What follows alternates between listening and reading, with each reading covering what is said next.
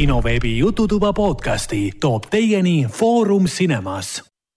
tere tulemast kuulama kinoveebi Jututuba, see on meie seitsmekümne üheksas saade, kus me räägime jätkuvalt filmidest ja seriaalidest. minuga koos saates, nagu ikka, on Raiko. tervist. ja Hendrik.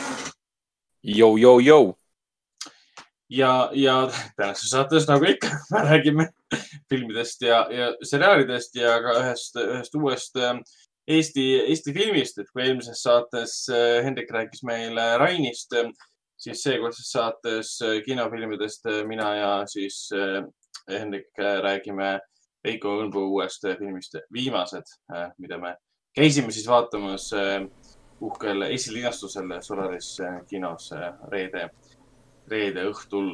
aga alustame kõigepealt siis filmidest ja seriaalidest, mis me oleme vaadanud siin kahe podcast'i vahel ja alustame muidugi Raikost, kes vahepeal näiteks suutis vaadata ära ühe üsna klassikalise või siis pigem mitte võib-olla isegi klassikalise, aga kindlasti väga paljude lapsepõlves tuntud seriaali tegi uue ringi peale sellele. selleks on muidugi eesti keeli oli ta vist Kangelased uh, Heroes. ma isegi ei tea, kuidas seda eesti keeles oli nimetatud um... püüdsin ka praegu meenutada, aga mul ei tule üldse pähe.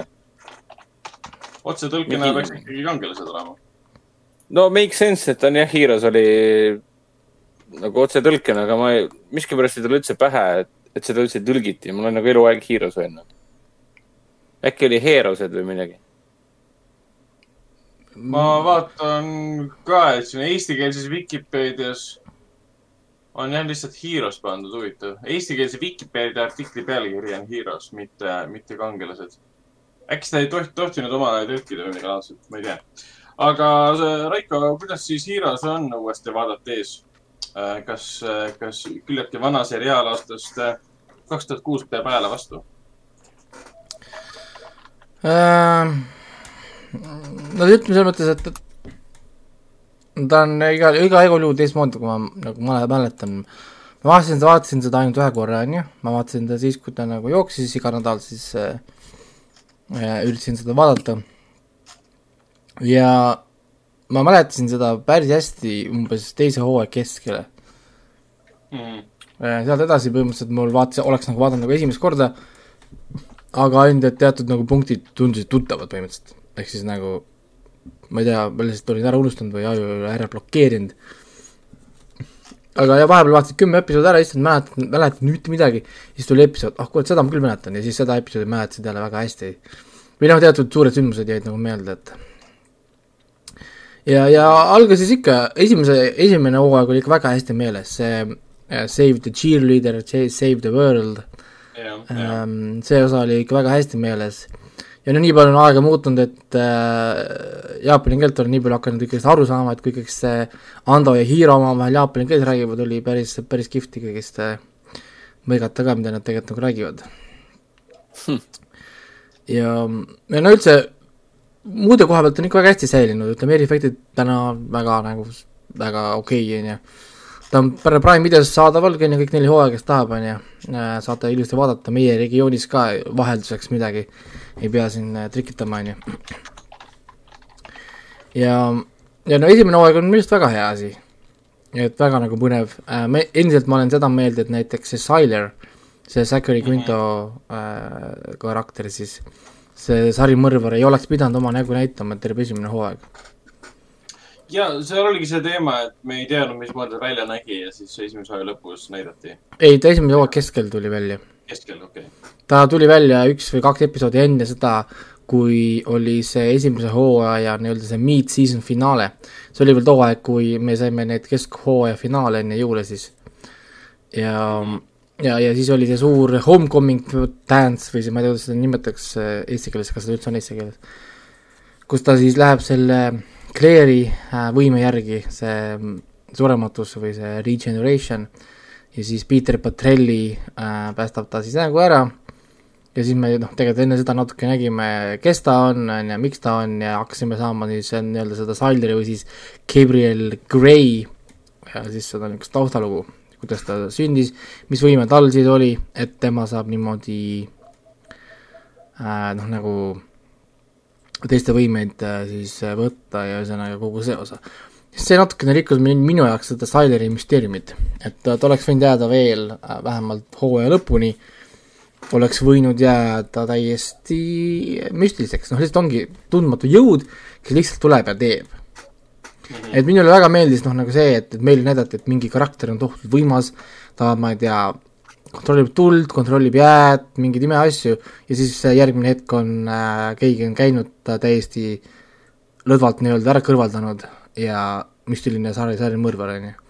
see oleks, noh, ütleme minu jaoks oleks hoidnud see vaatajat ju palju rohkem niisuguses nagu, et umbes, noh, kes ta on ja noh, nagu rohkem aega sellist müsteeriumit võib-olla äh, üles haipinud. sest tegelikult see teine nagu pool esimesest hooajast, Stylerit ei olnud tegelikult nagu vaja sinna siis see tei-, noh, esimese hooaja lõpp oli siis see, et see New York peab plahvatama. noh, Ah, ja, ja, ja, ja siis oli Jaa, see seal oli üks siis karakter, see Ted, kelle võime oli siis see nuclear äh, reaction või noh, nagu tema siis võime oli selline nuclear või see tuumareaktsioonid või asjad ja siis ta sai nii-öelda nagu äh, tekitada siis ülisuuri plahvatusi, noh, nii-öelda nagu enda ümber. ja, ja siis Hiro Nakamura on ju, siis see jaapanlane, kes siis kontrollib aega ja kõike sellega seonduvat, aega ja ruumi, mis iseenesest on juba üldse väga küsitav äh, asi stsenaristide poolt, on ju. Tema siis, kes tulevikus nägi, et see plahvatus käib ja ühesõnaga kõik siis said teada, et see on Peter Patrelli, sest Peter on ise, kes saab lihtsalt võimeid kopeerida, kui ta seisab kellegi kõrval ja, ja kõik need võimed jäävad talle nagu alles, ehk siis põhimõtteliselt ta on päris kiiresti nagu jumal, sest äh, ta saab kõik võimed kõik endale, kui ta isegi, ja kui tema läheb Sileri juurde, ta saab kõik Sileri võimed endale instantselt.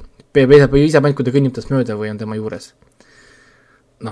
Ehk siis ta sai sõna otseses mõttes nagu esimese hooaja lõpuks äh, see Peter Patelli karakter, ta sai tekitada tuumareaktsioone, ta sai lennata, ta sai ennast ravida, ta sai kontrollida aega ja ruumi, tal oli telekineetilise võimed ähm,, ta sai muutunud nähtamatuks ähm,, ta sai teleportida, noh nagu läbi aja ja ruumi siis on ju äh, ta nägi tulevikku, ta sai maalida tulevikku, ta nägi ette ennustusi äh, oma unenägudes, seda see list läheb edasi, onju.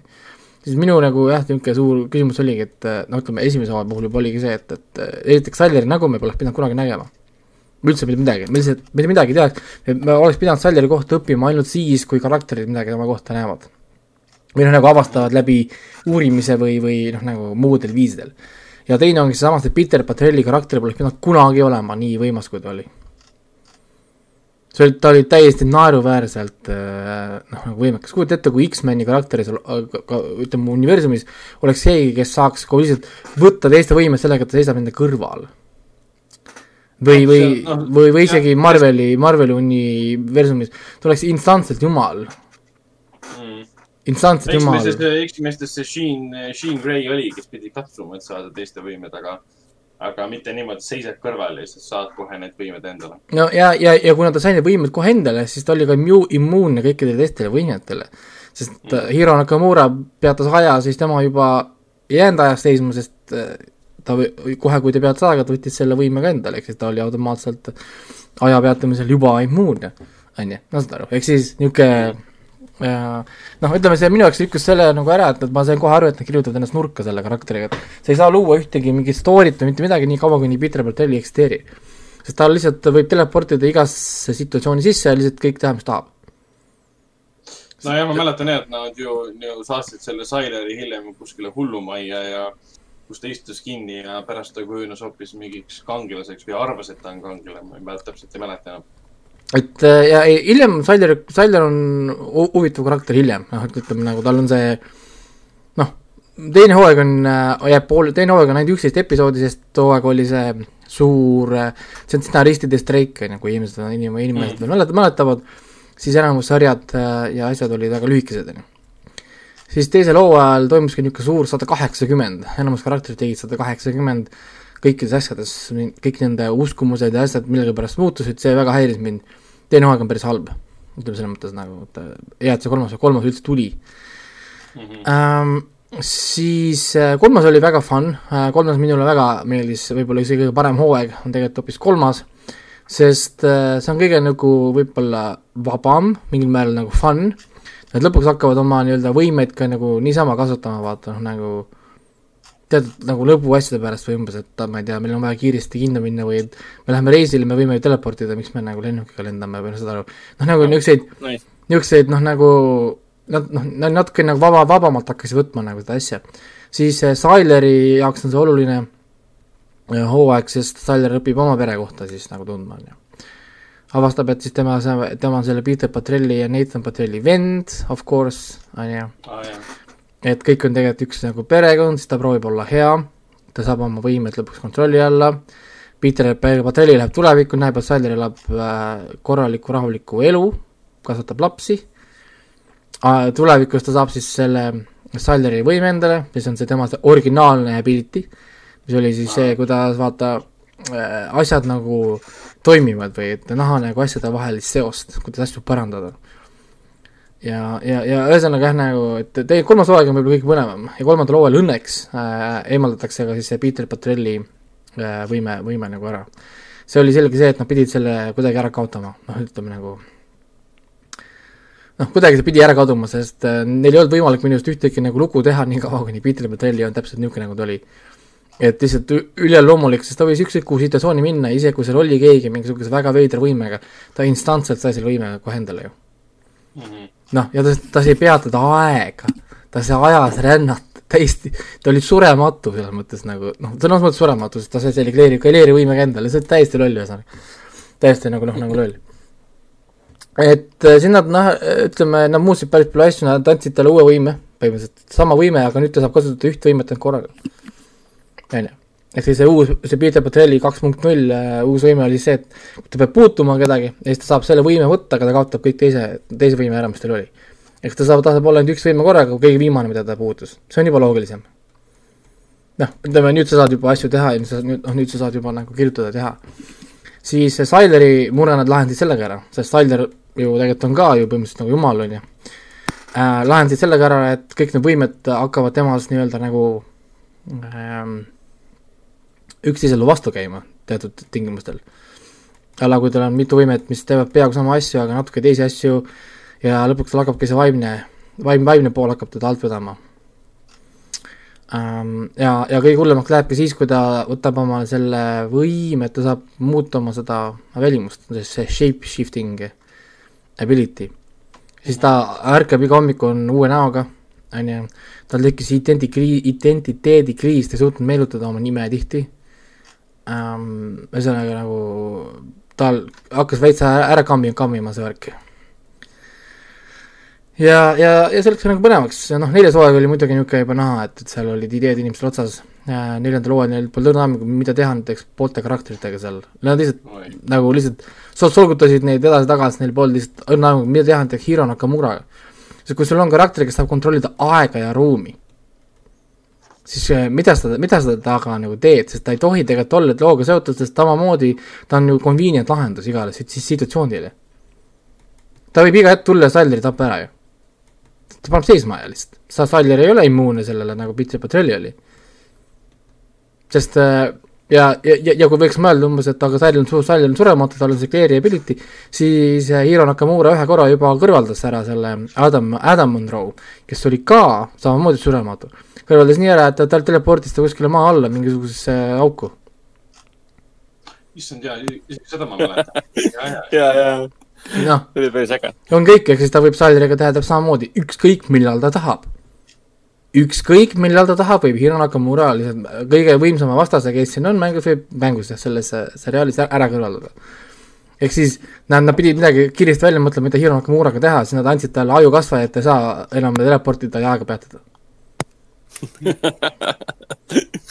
jah, no jah, selles mõttes, et Hirose puhul oligi see keeruline, et see osutus nii suureks hitiks ja selle ümber loodi nii huvitav selline multimeedia, massimeedia mängud ja veebiseriaalid. see seriaal, selle seriaali ümber tehti niivõrd palju esmakordseid asju.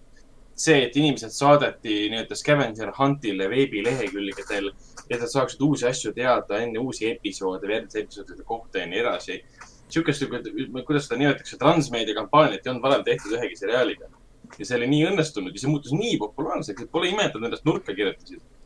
oli küll jah, et see oli, lõpuks, kui stuudio ütles neile, et te peate uusi hooaegu tegema, tüübid mingi, ah, meil on plaanid paigas, me ei saa. aga te stretch'ige seda asja lihtsalt neli hooaega. okei okay., nojah see oli jah niisugune, no ja neljas oli, neljas hooaeg on päris kurb ähm,. ikka nagu jah, tal pole enam mida imestada, miks see sai cancel äh,, siin pole vaja imestada, et miks nagu see edasi ei läinud, onju. et kuigi no., kuigi Heroes Reborn tuli aastal kaks tuhat. ma pole isegi seda, ma pole isegi näinud seda, nii et, et ma kavatsen selle, selle nüüd ära vaadata, ma ei teadnud, et see olemas oli tegelikult. ma nägin seda nüüd enne saadet, kui ma panin IMDB-sse sisse, siis nägin, et oo oh,, Heroes Reborn on ka olemas. see pidi jah olema nagu otsene järg, et Tim Kring, kes on siis seeria produtsent ja looja, tuli tagasi, nad tahtsid sellele vist teist ja kolmandat hooaega ka teha. aga see NBC, kes selle edasi välja andis, siis eh, teist hooaega enam ei andnud. jaa, et selles mõttes nagu kui inimestel ikkagist nagu tahab, tahaks ütleme niisugust head superkangelast asja on ju, ütleme The Boys ajab hamba verile, verele on ju, Umbrella Akadeemia on nagu väga fun on ju, siis äh, tegelikult on meil ju Heroes on alati võtta. Et visuaalselt ei jää, ei jää see kuidagi alla äh, Umbrella Akadeemiale või, või The Boysile, et noh, veitsa, veitsa võib-olla tänapäeval häirib see, et seal ei ole smartphone'e on ju, seal ei ole mingeid iPhone'e või, või Samsung Galaxy'd ja asju, eks inimesed mm., inimesed ei filmi oma telefonidega kogu aeg. ehk siis see näeks väga teistmoodi välja, see sari, kui tänapäevane niisugune sotsiaalmeedia ja, ja Twitterid ja Facebookid ja ja niisugune kohene äh, niisugune video salvestamise võimalus ol- oleks olemas, siis väga paljud situatsioonid oleks äh, kaamerasse võetud. et, et äh, jah, aga muidu ma räägin, et ta on ikka väga hea entertainment on ju, olema hoolimata sellest, et seal kirjutatakse nurka ja seal on väga lolle nii-öelda probleeme tekitatakse, mille üks karakter oleks, võiks lahendada ära sõna otseses, mõttes silmapilkselt, kui nad natukene omavahel räägiksid. natukene omavahel räägiksid, saaks lahendada üksteise muresid instantselt. oo, sellel Hiro, Hiro Nakamunal on, Muural on vähk. nojah, aga Claire'i veri ravib iga haiguse, mis kellelgi on. telepordi korraks Claire'i juurde, oo anna mulle verd. ja me oleme lahendatud, onju. no saad aru, noh nagu, oo näed, meil on Siler, me ei saa Silerist jagu, helista Hirole, kuule Hiro, tule võta Sileri telepordi ära, kaks sekundit hiljem Siler on igave-, iga, igaveks kadunud. sest ta, ta, ta telepordib ta, ma ei tea, kuu peale, noh. Ja sa, nii läheksid need hooajad ikka väga lühikeseks, kui inimesed hakkasid omavahel normaalselt kommunikeeruma ja infot jagama. nojah, ja, ja, ja noh, muidugi see Peter, Peter Patrelli peale seda, kui ta nii-öelda nagu ära kaotati oma selle jumalike võimetega, siis ta tegelikult muutus väga mõttetuks karakteriks ka. kõrvaline te- tegelane nägu, kes natuke ringi jooksis seal ja tegelikult ta ei omanud mitte mingit tähtsust, on ju. Mm. et äh, jah, näha oli selles mõttes, et neil ei olnud tegelikult mingit pikemat roadmap'i plaanis või noh, nagu näha oli, et nad ei olnud või noh, stsenaristid või keegi, kes iganes, ütleme seal projekti taga oli, nad ei olnud mõelnud selle peale, et see peaks kuidagi kestma mingi tohutult pikka aega või, või noh, nagu et, et esimene hooaeg oli väga hea, esimene hooaeg oli väga nagu konkreetne, näha oli, et neil oli esimene hooaeg läbi mõeldud, selles mõttes esimesel hooajal väga palju sa ei saa midagi ette visata neile vigade asjadega. siis teine hooaeg, kui tuli see suur, see lühike hooaeg, siis seal tuligi väga palju vigu sisse ja, ja võib-olla oligi, et neil oli teistsugune roadmap, siis tuli see suur streik ja plaanid muutusid poole pealt kuidagi ja, ja kõik asjad, kõik asjad hakkasid kuidagi nagu lihtsalt ühesõnaga valesti jooksma ja, ja, ja pärast ei saanud seda enam kuidagi nagu kokku siduda või noh, nagu äh, ära nagu lahendada, et. Ja, ja osa karakterid lihtsalt kaotati ära, näiteks seesama Maika, see noor poiss, kes oli siis selle äh, skisofreeniku naise ja siis selle DL-i vangi, kes sai läbi seinte kõndida, tema on nende poeg. see Maika oli siis see noor poiss, kes sai masina masinatega rääkida. ah jaa, jaa, jaa, ja, ja, ja. jah, et mõelge ise, tal on võime, millega ta saab rääkida masinatega, ta kontrollib äh, valimisaparaate, ta kontrollib arvutit, internetti, aga me võtame selle karakteri lihtsalt äh, kaotame ära. Ja kõik, ta lihtsalt, see karakter lihtsalt kadus nagu ära sellest lihtsalt, saad aru, lihtsalt nagu imbus eemale ja keegi inimene ei räägi ka, et selline karakter üldse ole- olemas oli nagu. et tegelikult ka, et, et see Maika võiks lahendada ära nende selle enamuse, et nad leiavad mind internetis üles, helistaks Maikale, kustutame ära int- internetis forever. onju, siis nad unustasid ära, et nendel on selline karakter nagu see nimega The Hai Haishan, kelle nimi oli, oli Rene, siis tema Haiti võime jah, tema võime oli siis see, tema juures mitte ükski teine võime ei toimi. ja lisaks ta saab kustu-, kustutada mälestusi inimestelt ära. ehk siis nagu äh, jälle, et kui temaga koos lihtsalt kõndida, ma ei tea, saab Saller juurde näiteks, siis Saller on täiesti tavaline mees. nagu, ehk siis siin on otseselt see Hai- on lihtsalt kõnnib Salleri juurde ja võib Sallerile nuga anda. sellepärast et äh, Saljeriga ei saa ühtegi oma võimet kasutada. noh, ja, ja mitte, ja mitte ükski võime ei tähenda, tähendab ka seda, et, et sa võid ta lihtsalt, ta lihtsalt tulistada. sellepärast, et ta ei saa enam äh, nii-öelda nagu äh, ennast, ennast ise terveks ravida. ehk siis seal noh, ja nad pidid nagu kuidagi lahendama neid ja nad lahendasid selle lihtsalt sarjas millegipärast niimoodi, et me enam ei räägi nendest karakteritest, neid lihtsalt nagu enam ei ole et, et terve neljas hooaeg põhimõtteliselt oli minu jaoks kogu aeg niimoodi, iga episood oli, kus on Haitian? Terve teie tänane probleem oleks kaks sekundit, kutsu see vend korraks sinna. kus see Hiro Nakamura on? onju, ta lahendaks selle kohe ära, miks see Claire juba seal ei ole? Claire ju lahendaks selle kohe ära nagu. ehk siis niisugune väga niisugune veider äh, asi. nojah, ta on kirjutatud selles mõttes, selles mõttes klassikaliselt siis, kui äh, siis, kui on mugav äh, siis kirjutatakse mingid tegelased välja või et nad ei eksisteeri või neid ei saa kasutada. Et, et seda on väga, väga palju tehtud, et siis, kui, siis, kui sisu neid ei nõua, aga loogika nõuab, siis neid just ei ole. jah, et see on jah niisugune, mm, jah nii et selles mõttes nagu ta on niisugune soojus-sou on ju, et ma noh, muidugi täna ma annan juba rohkem vigu andeks ka, sest ma olen niisugune nii palju rohkem saasta vahepeal näinud võib-olla. et, et on ta tõstnud minu niisugust arusaamist, et tegelikult on ta täitsa hea asi. et, et jah muud, muud, muud mul ei olegi, igal juhul neli hooaega, päris palju episoode ka, kokku mingi kaheksakümmend episoodi või seitsekümmend viis episoodi või ma ei tea, palju seal neid kokku oli täpselt. nii et ikka on pikad episoodid ka, nelikümmend viis, viiskümmend minutit äh,, korralikud hoo-, kolmas hooaeg on eriti pikk, kakskümmend viis, viis osa vist oli kolmandal hooajal, nii et äh, mm -hmm. noh, on nagu vaadata ja kokku vaata, need hooajad ei ole tegelikult ka niimoodi, vaata, nendel oli see nagu koomiksite stiilis tehtud see volume system. Nende näiteks kolmas hooaeg oli kaks volüümi mm -hmm. ehk siis nagu meie mõttes, ta oli kolmas nagu hooaeg, aga tegelikult sa saad nagu kaks täis eraldi storyline'i. noh, nii-öelda nagu kaksteist episoodi on nagu volüüm mingi, ma ei tea, kolm ja siis, siis järgmised kaksteist või kolmteist episoodi on volüüm neli. ehk siis sa saad tegelikult nagu kahe hooajaga jagu story'd tegelikult nagu ühe selle äh, nii-öelda äh, meie mõistes siis nagu hooajaga aga, aga jah, see natukene pani mind puudust tundma, see, et nendest pikkadest kahekümne viie osalistest äh, hoo-, hooaegadest. et, et äh, kui mõelda, et praegu see re-, see reede, mis oli, ma vaatasin The Boys on ju, teine, teise hooaja kuues episood, siis tegelikult see on alles kuueteistkümnes episood tegelikult kokku, noh nagu alles. teise hooaja peale. jah, ja meil on juba teise hooaja teine pool, on ju, et siis veitsa pani mõtlema küll, et ja siis me saame vaadata noh, kolm kokku kolmkümmend episoodi, mis on vaevalt nagu natuke üle ühe, ühe hooaja tegelikult kunagi, on ju nojah, kunagi olid need head ajad, kui ma ei tea, kakskümmend neli veel jooksis, kus oli ka vist, ma ei tea, igas hooajas oli vist, oligi kakskümmend neli episoodi. nojah, loogiline. ja, ja, ja, ja, täpselt. nii oligi. täiesti, üks, üks tund oli, üks, üks tund oli üks, üks, üks episood. see, seal pidi olema äh, kakskümmend neli episoodi.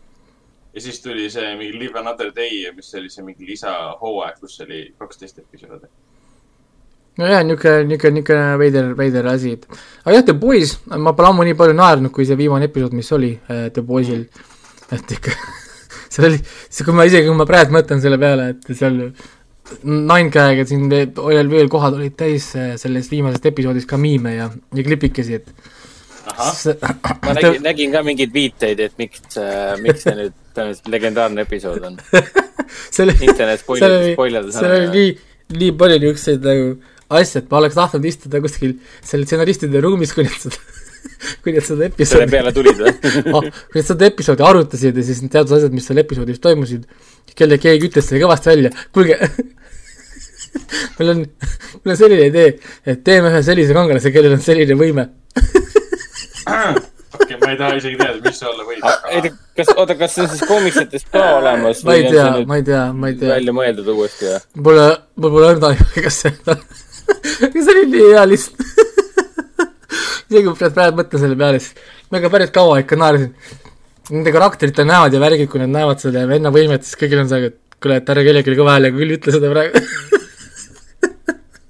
See oli hea, neil on jumala tõsine moment, vaata, üks karakter on suremas, ta räägib telefoniga, siis ta ütleb tagant, kuule, ütle ka, mida sa seal haiglas tegid. Karjub sellele, ma ei, ole, ole sina vait, kui keegi pole vaadanud seda The Boys'i, siis jumala eest, et see on ikka see on see on ikka nii hea asi, et praegu pole ühtegi põhjust mitte vaadata. võib-olla ainuke põhjus on see, et ei taha maksta Amazon Prime video eest. ja viis euri kuus kord, see ei maksa midagi Hmm. et äh, väga, väga see on täiesti loll. siis äh, muidugi noh äh,, te vaatasite ka võib-olla vä- see Race by the Wolves äh, kaks eelviimast, kaks eelviimast epi- episoodi siis või, sest üks on jäänud, on ju. mina olen äh, viis episoodi ära vaadanud. Mul on sama, ma ei ole ikka veel jõudnud äh, kõiki, kõiki neid. äh, okei, no siis, siis ei saa spoil, spoilida, aga viimased kaks episoodi on päris mindfuck episoodid. väga hea, väga hea. päris crazy, päris päris crazy on ja ma ei kujuta ette, mida see finaal endast kujutab, sest äh, nad viimase kahe episoodiga keerasid asjad ikka väga tagurpidi. hmm. See mulle Nojah. sobib, see mulle sobib. ja kusjuures siin sellest sarjast ma seda ootangi, et ta läheb aina hullemaks minu, selles valdkonnas. ma ei tahaks just spoilida, aga minu arust siin on väga selge referents ühele teisele võib-olla Ridley Scotti kosmosega seotud asjale. et jah, ma üldse ei, ei imestaks, sest noh, ma ise, ma tean, okei okay,, Ridley Scott ei olegi mingit muud kosmost teinud kui ainult ühte. okei okay,, kaks erinevat kosmost on, on, tal tegelikult. üks Tema oli Matt Damoniga ja teine on ju tulnukaga. Nii et see on, üks päris huvitav asi küll, aga noh, olgu see, see, ma rohkem okay. siis ei ütle. tuleb ootuspäraselt, sest noh, Ridley Scott teeb ulme, siis kindlasti tuleb mingi re- referents ära, et kuule, see No see ongi tegelikult muidugi- prequel. Race by Wolves on see pole tegelikult inimestele väga suur üllatus selle koha pealt, kui androidid on samasugused, nagu need olid ju Alieni filmides. nii et äh, selles mõttes see on ta nagu praegugi selge juba ei. tohiks olla see väga nagu suur üllatus, kui sa näed seal võib-olla asju, mis oh, kuule, kas see on see, see sealt, on ju. siis ma vaatasin muidugi noh, need, mis praegu nüüd iga nädal jooksevad, on ju see Ted Lasso, et on ka reedeti, sest reedeti ongi päris palju asju. The Boys, Race by the Wolves ja siis see Ted Lasso. eelviimane episood hooajal, endiselt väga kihvt, väga, väga, väga hea asi. üks oli sama, samuti üks episood on jäänud, siis on ka Ted Lasso on ka ühel pool omadega. siis ma, ma vaatasin Ja ära selle Tehrani esimese episoodi ka Apple TV-s, seda ma ei pannudki siia kirja, et ähm, kusjuures ma enne mõtlesin, et see on film, aga see tuli hoopis äh, sarjana. ja yeah, kolm, kolm episoodi tuli välja, mina alguses mõtlesin, et see on film, panin käima, et vahet ma vaatan filmi ära ja siis äkki nagu saab otse mingi neljakümne viie, viiekümne minutiga juba juures, siis mõtlesin, okei okay,, et see on sari või. aga väga kihvt spioonikas on. et, et ma isegi ei oska öelda, kuhu ta nagu läheb, sest esimene episood oli väga niisugune noh, vihk-, viskas sulle igasugust nagu infot, vaata, eks nad set-, no ongi nagu set-up põhimõtteliselt noh, nagu või, või selles mõttes nagu, mis nagu tuleb. aga esimene on väga hästi tehtud, väga korralik, niisugune mõnus, mõnusalt hoiab pinget üleval, nii et siin on päris, päris hea asi tegelikult, ma ei oska öelda, et, et kui, kas nad suudavad seda hoida või tuleta nüüd meelde, kas ta oli Mossadist või? see on Mossadist ja, ja, ja ühest naisest, kellel on teatud missioon üks, ühte asja teha, mida ma ei saa öelda, sest see, see, ma arvan, võib-olla, ühesõnaga üks naine, kellel on, on üks missioon. aga see on hästi keeruline, no juba esimesest episoodist on näha, et siin on tõenäoliselt palju erinevaid äh, niisuguseid nagu storyline'e, mis siis hakkavad, peavad hakkama kohtuma nii-öelda aga ta on, ta on puhas spioonikas, selles mõttes ta on nagu väga James Bond, mingi, ma mõtlen, mis oleks niisugune, niisugune hea referents. isegi Tenet oleks võib-olla, see on hea referents ilma selle äh,, võtame selle sci-fi osa korraks välja, noh nagu niisugune. no ikka niisugune väga-väga kihvt asi, et ma olen ühte osa vaadanud ainult muidugi, selles mõttes, et ma ei tea, kuhu ta nagu läheb või, või mis nagu saama hakkab. aga tempo on päris hea, tempo on hea äh,, väga kihvt, mulle meeldib, see on, see on jälle rahvusvaheline, ehk siis mulle nii meeldib, kui sarjad jäävad selle koha pealt ikka truuks, kui sa paned, oleme, oleme Iisraelis või et me oleme, ma ei tea, Hispaanias, kõik räägivad äkki maagiliselt kogu aeg inglise keelt, on ju, ei. noh, ehk siis nagu kui keeruline on sul leida mis iganes casting, casting agentuuril neid inimesi, kes oskavad neid keeldi rääkida, tegelikult ma arvan, väga-väga lihtne tegelikult leida. ja tuleb välja, et ongi et selles mõttes nagu jaa, Apple TV ikka oskab teha, ma räägin, et kui nad ikka üldiselt teevad midagi ja see tuleb nagu välja lõpuks, siis tegelikult minu arust on nad siiamaani väga hea kvaliteediga asju, asju teinud. ainu-, ainu-, ainukene mingi, ma räägin, see mõni üksik asi vist oli, mis ei olnud nii hea, sest see, see M. Night Shyamalani The Servant oli niisugune lõpuks väga niisugune möh, sest see point oli väga nõrk, on ju. aga noh, siiski, no ütleme noh, kui kui point kõrvale jätta, siis tegelikult see oli ka tegelikult väga kvaliteetne, väga hea müsteerium ja ühesõnaga mina ei tea, et Apple TV igal juhul tasub ära praegu siin. nii, mis mul oli, vahepeal tundus, et see Apple TV kvaliteet kuidagi hakkas langema või, või no ta ei hakanud isegi langema, ta isegi ei teinud midagi. selles mõttes, et see lihtsalt sai otsa asjad. siis vot see oli see mure Nojah.. Ehk siis sa lihtsalt maksid nagu mitu kuud põhimõtteliselt ilma, et sul ühtegi uut asja tuleks. sul olid kõik asjad nagu väljas ja siis polnud ühtegi uudist, et mis on, mis on nagu tulemas, sest Apple TV ei promo oma asju. Mhm. sa pead ise otsima mingi ve- veidratest erimenüüdest, et kuskilt äkki sa saad mingit teada, kas tuleb midagi või ei tule, on ju.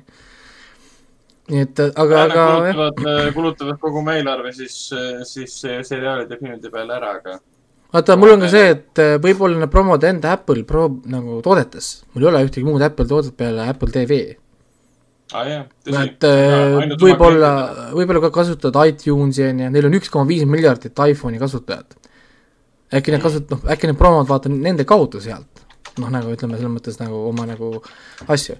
nii et ma ei tea, aga mina jah, nagu väga ei näe niimoodi uudiseid ja, ja teatud asju, nii et äh, no siis ma ikka endiselt vaatan oma seda kahte suurt ani- anime, animet praegu, et on siis God of High School ja ReZero on ju teine hooaeg.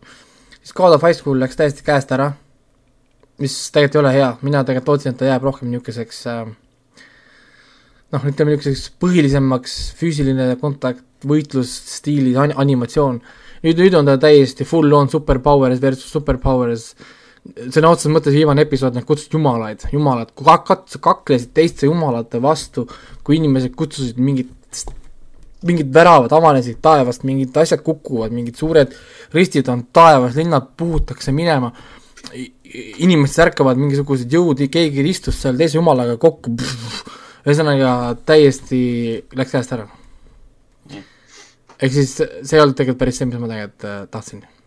noh, nagu noh, see ei olnud nagu, ta polnud ühte korda sellise stiiligagi, et see pea- peaks selles suunas nagu minema, nii et see on natukene niisugune disappointment. et nüüd on mul tunne, et on, ta on põhimõtteliselt üks-ühele Narutoga, aga kui sa lähed üks-ühele Narutoga, sa kaotad. sest Naruto on lihtsalt nii kõrge kvaliteediga, et, et see, ma ei tea, nõrk, ühesõnaga see ei meeldi mulle. Ja siis oli see Reisero, mis ainult läheb masendavamaks ja masendavamaks, ma korra mõtlesin ka, et peaks Twitterisse kuskil kirjutama, et need stsenaristid peaks panema Suicide Watchi alla, et et, et äh, täiesti crazy nagu, et kas keegi nendele kirjutajatele vahepeal helistanud ka, on need üldse elus veel või? et appikarje selline.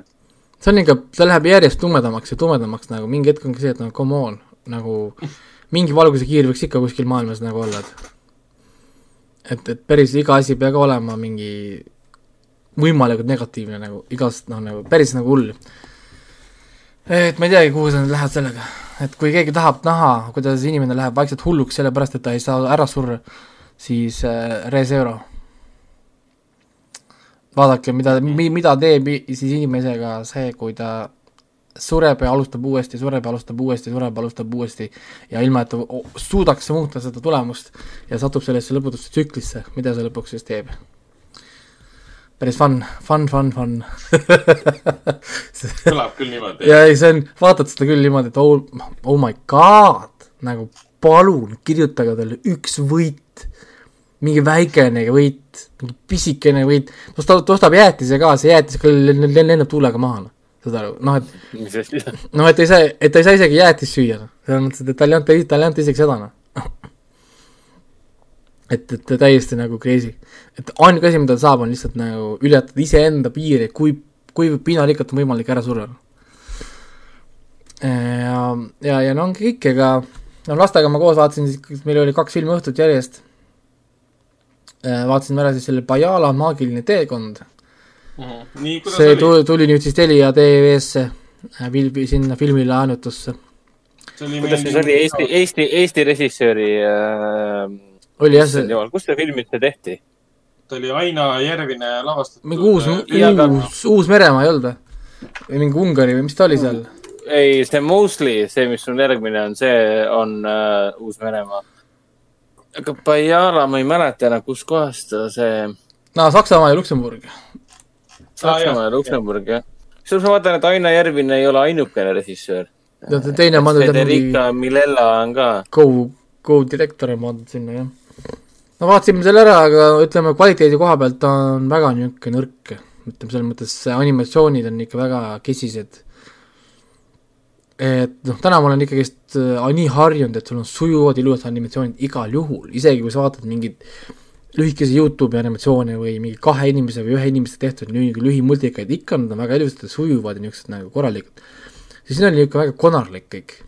tahaks öelda nagu, äh, kui inimesed saavad aru, siis mingi PlayStation kolme videomängud äh, ütleme niisugune noh, ma ei, ma ei oska tuua konkreetset videomängu näidet, aga ütleme, mingi PlayStation kolme peal mõni videomäng, kus olid näiteks cutscene'id, see umbes samasuguses stiilis, et äh, niisugune natuke konarlik, niisugune hakkiv liikumine, niisugune noh, nagu ma ei tea, et siis anim-, animatsioon on küll nõrk ja, ja selge on see, et see on siis see koht, kuhu võib-olla ka kõige, kõige rohkem raha läheb, on ju.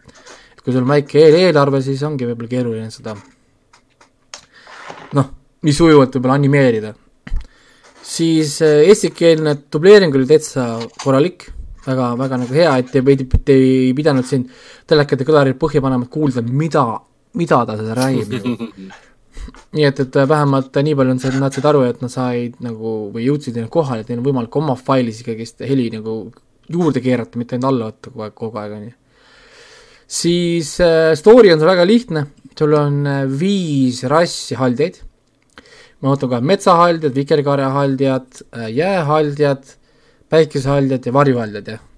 Olid. vikerkaarehaldjad. jaa, vikerkaarehaldjad, jah. ja siis kõikide nende haljast, nagu nende haljade tüübid põhimõtteliselt nimest saad aru, millal nad saavad lennata. millal neil nii-öelda nende maagia käivitub ja millal nende tiivad siis nagu käivituvad. ehk siis a la vikerkaarehaldjad saavad lennata ainult siis, kui sajab, sajab vihma ja vikerkaar tekib, on ju, ehk siis nendel, metsahaldjad on metsas Äh, päikesehaljad saavad siis päikse käest lennata ainult, on ju, varjuhaljad lendavad öösiti ja siis äh, kes meil veel oli seal, jäähaljad on siis, kui külm on, on ju, või talv või nagu see. ehk siis nad kõik elavad nagu eraldi kohtades, noh, ehk siis noh, seal, kus on kõige tõenäolisem, et nende tingimused on täidetud põhimõtteliselt. ja lugu on siis ühest äh, päikesehaldja printsessist. ehk siis sul on nagu päikesehaldja printsess, põhimõtteliselt tegelikult oli niimoodi, et sul on kolm õde on siis ütleme siis päikesehalli kuningannal on siis kolm tütart, üks vanem õde ja kaks nooremat õde, kes on kaksikud, siis üks kaksik õdedest on siis varju haljate kuningriigis vangis, jah. ja aga ta on vangis seal sel ajal, kui tema enda tiivad ja areng toimub ja siis temal kasvab mitte päikese äh, kuningriigi tiivad, aga kasvavad hoopis varju kuningriigi äh, tiivad. ehk siis ta on tegelikult nagu päikesehaldjas, aga, aga varju Äh, haljate tiibadega siis. sellest tulenevalt tema saab lennata nii päeval kui ka öösel, koheselt. Ja selle tulenevalt tema saab teha ka maagiat, mis on siis mõlemat oma, nii päikesehaljate oma kui ka varjuhaljate oma. ja siis loo alguses koheselt ta põgeneb sealt varjuhaljate juurest ja teel koju, noh, nii-öelda oma siis päikesehaljate juurde, kohtub draakoneid. draakonikud ja kõik arvasid, et ta on välja surnud juba. või noh, nagu, et neid ei ole, keegi pole ammu-ammu näinud siis ta jõuab sinna koju, ütleb, et ta nägi draakoni, et siis tuleb kohe väikene tüdruk, kes oskab maagiliselt ka draakonitega rääkida koos draakoni munaga. Ja siis nad otsustavad, et nad teevad äh, suure draakonite õhtusöögi.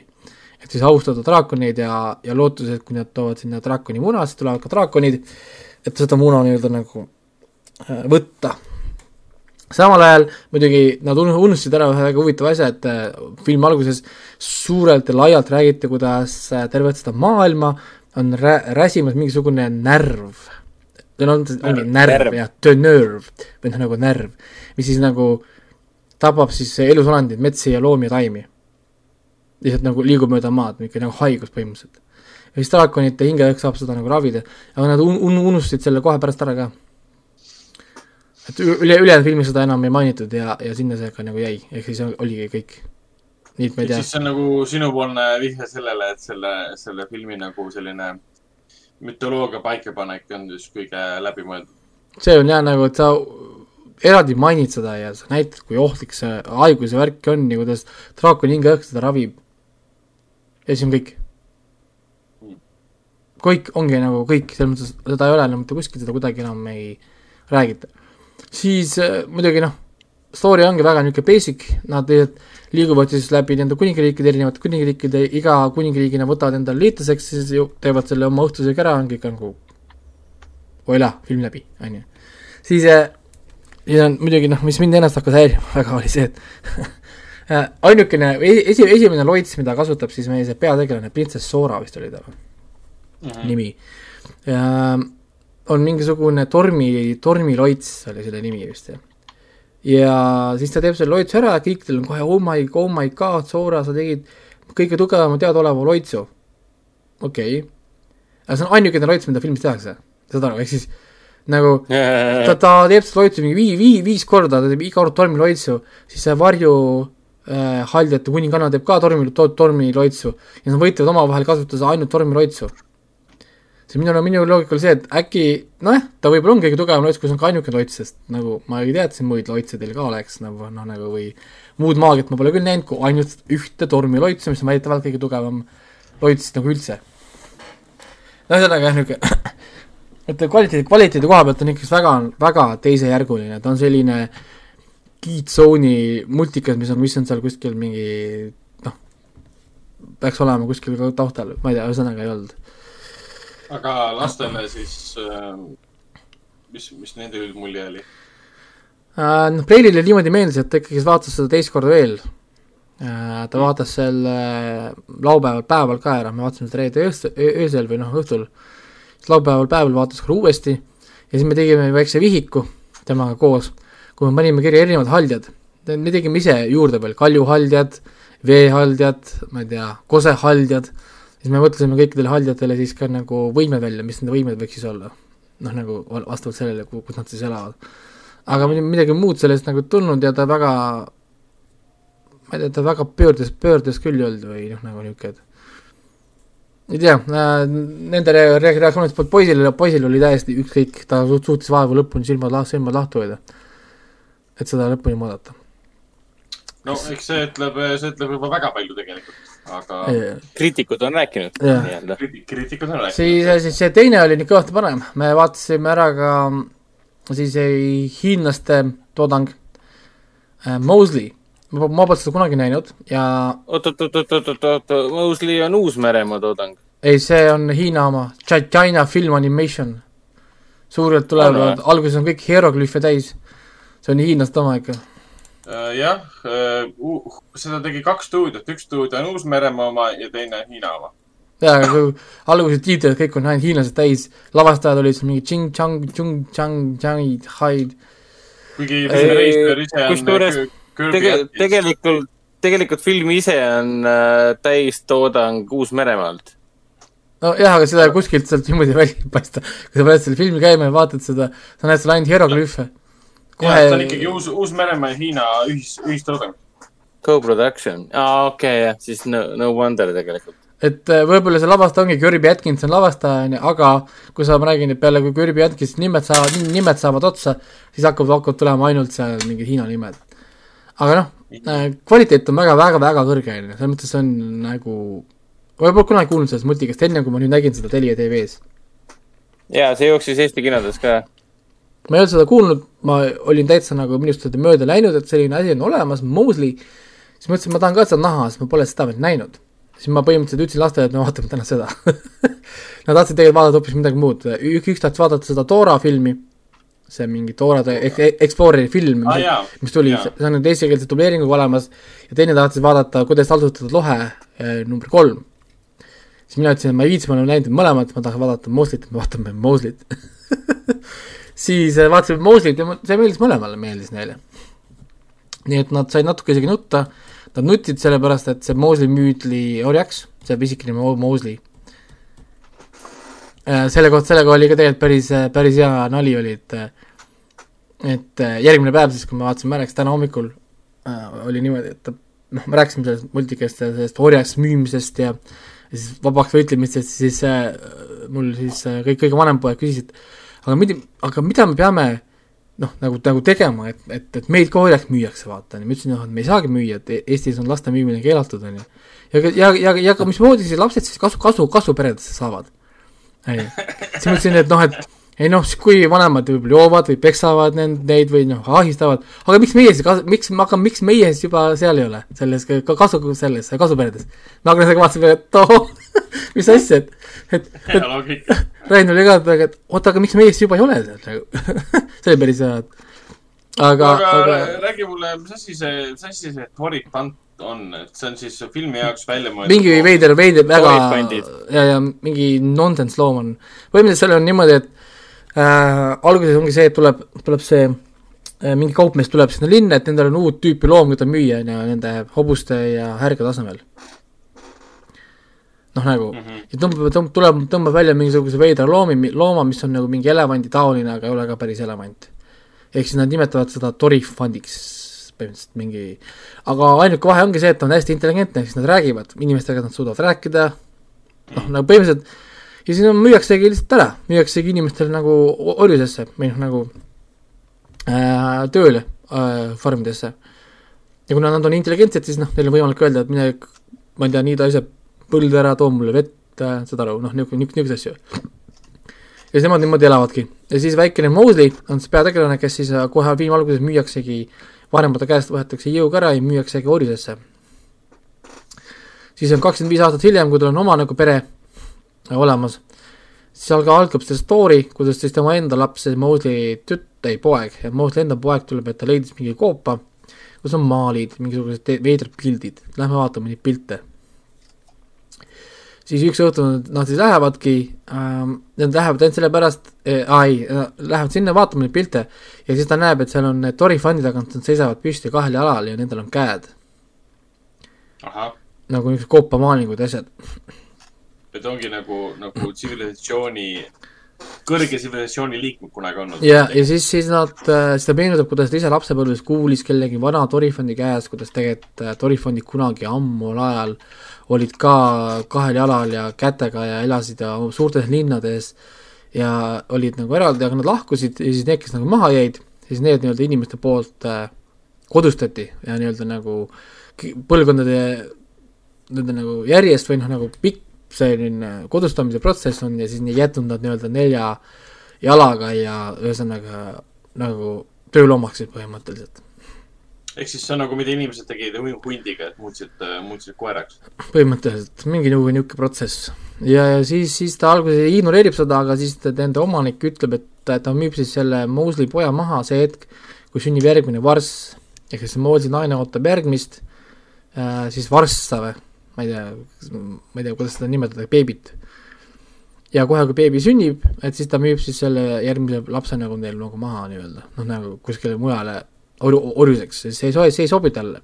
siis ta otsustab selle nii-öelda enda kätte võtta ja siis minna otsima seda legendi, kas tõepoolest on siis see päriselt olemas, et kuskil need peaks olema siis need kahel käel või tähendab kahel jalal kõndivad kätega suured eh, nelja meetri kõrgused, mis ta ütles, torifandid. Mhm. sest on, on liikumas niisugune kuulujutt või niisugune legend, et kunagi tulevad siis kaugelt üle põllu, tulevad suured torifandid ja päästavad siis need orjusesse jäänud äh, kadunud vennad ja siis film ongi tegelikult, kuidas siis see Mosley teekond siis, et leida neid torifante. ja ta lõpuks leiab siis need kahe, kahel jalal liikuvad torifandid, kuid seal on väikene konks sellel asjal, see ei ole päris nii lihtne.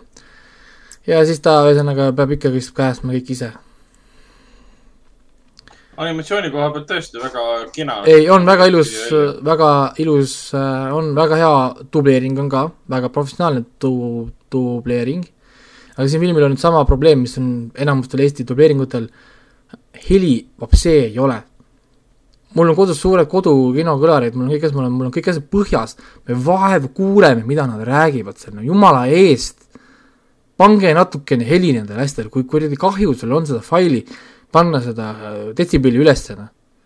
pane, ma ei tea, pluss jube, probleem on selles, et ta on vaikne või probleem on selles, et Ta on vaikne. helidisain peksab üles. ei ta on, ta on lihtsalt vaikne, ehk siis nagu nad kuskilt lükkavad kogu aeg nagu maha, noh näiteks noh, näide oli niimoodi, kui me vaatasime seda äh, mina vaatasin, ennem seda, kui nad tulid, ma vaatasin äh, Race by the Wolves, siis mul oli kogu kinosüsteem oli kahekümne peal, onju, noh nagu see heli, niimoodi, et mul seinad väri-, väri-, seinad värisevad põhimõtteliselt. Siis me vaatasime seda äh, Torifanti multikat saja peal. ja me vaevu kuulsime, mida nad, mida nad räägivad, ma pidin kogu aeg lastele ütlema, et osas, ma ei, muidu ei kuule, mida nad räägivad. ehk siis see on see on päris, Päris see on nendel päris paljudel, see ei ole üldse nagu mingi väga nende mure, see on päris paljudel Eesti dubleeringutega asjadel. et midagi, mida nad, kui nad lindistamisprotsessi teevad või mingi protsess, protsess, mida nad seal teevad, jätab selle pärast niimoodi, et sul on võimatu kuulda. kõige hullem näide on Asterixi multikat, kui tahate näha, mis, kui halb võib olla dubleering ja kui halvasti seda heli on tehtud, võtke lahti need Asterixi need erinevad äh, multikad, mis seal on, Telia TV-s näiteks. seal on mingid Asterixi mingid äh, osad, mingid tunniajased multikad, sa ei kuule mitte midagi, seal on veel selle, et ta on veel nagu nii vaikne, on ka see, et seal on see palju, et see tasakaal on ka paigast ära, noh see filmi muu heli ja siis see dubleeringu enda heli, täiesti paigast ära sa lihtsalt keskendud, sul on kõrvalapid peas, no ma ei saa aru, mida ta räägib, sest lihtsalt on, ta on nii taustale lihtsalt surutud. et, et see on päris, päris võib, halb. siin võib muidugi asi olla ka selles, et äh, et esialgne, esialgne filmi versioon oli väga okei okay heli suhtes, aga see, kuidas ta jõudis, siis sa vaatasid nüüd Elisast või Teliast? see on Telia selle video lahendus. sinna, sinna süsteemi pandi, seal võib-olla läks heliliselt midagi, midagi kaduma et see kipub olema küll nendel Eesti dublaažiga asjadel, see on päris nagu halb. ja, ja vahepeal on näiteks niimoodi, et sul on Eesti dublaaž, vahetad heliveebis venekeelse peale, see hakkab lõugama. sa pead kõik kohe helid tõmbama kiiresti alla. okei okay,, siis on mingi, mingi küsimus ikka mingi laiem küsimus, see ei saa olla ainult tehnoloogiline. nojah, et, et ma ei ole viitsinud selles mõttes nii detailideks minna, et vaadata konkreetselt neid dublaažistuudioid, sest sa alati näed seda tegelikult, kes on dubleerinud, nad ise ütlevad ja värgid. et äkki see on konkreetne üks stuudio näiteks või, või võib-olla, ma ei tea. et äkki neil ongi mingi, ma ei tea, aga lihtsalt kui keegi kuuleb või, või kuskilt näeb või midagi, siis jumala eest, pange seda heli juurde. ma saan alati võtta ju maha, on ju. aga ma ei saa lõputult seda juurde laduda, seda lihtsalt, seda heli. noh, selles mõttes, et, et ma saan alati võtta ju maha las ta olla natukene kõvemini, selge, ma umban alla natukene, ma saan timmida. aga kui ma ei saa timmida, et ma lükkan põhja, ma ikka vaeva kuulen see on, see on, see on päris nagu, päris nagu halb ja, ja sellel Sentinelil oli päris seesama asi. et noh, väga nagu, väga nagu tobe ja siis oligi näiteks niimoodi, et äh, õhtul nad jäid magama, on ju, siis Torifondis see krediit jooksis ja muusika, ma panin tagasi noot, vaata, kus ma tagasi nootsin, Teli TV hüppab alati sinna peamenüüsse ja kohe hakkavad kanalid tagant, tagant käima Mm -hmm. ja siis meil oli taga, ennem Keyzone oli taga, siis Keyzone öösiti hakkab laskma muusikavideosid millegipärast siis ja, ja instantselt mul hakkas mürgama mingi muusikavideo, sest meil oli saja peal oli see kogu see värk. lapsed ehmatasid üles, kuradi, hea, et mul seal ukseklaasid eest ära ei, ei lennanud.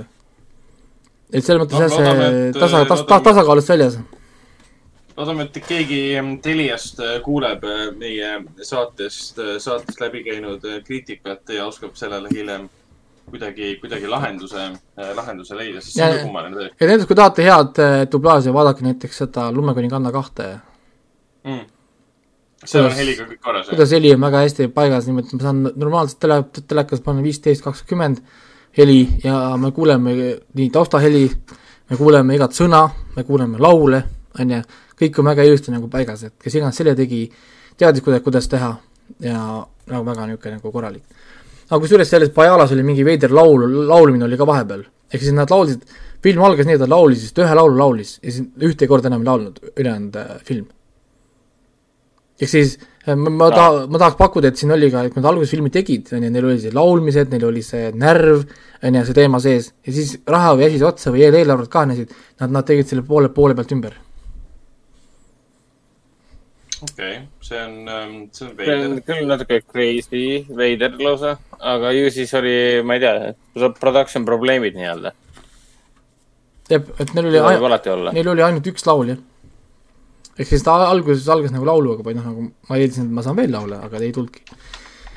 nii et jah ähm,, niimoodi läks ja minu noh, see nädal oligi tegelikult, mul algselt oli plaanis ju, kui mäletate, ma pidin, pidin tegema kino äh,, päevad pidin tegema mitu tükki siis see päev, plaan läks täpselt niimoodi, et auto läks remonti, öeldi, et auto on täiesti katki, see on siiamaani remondis.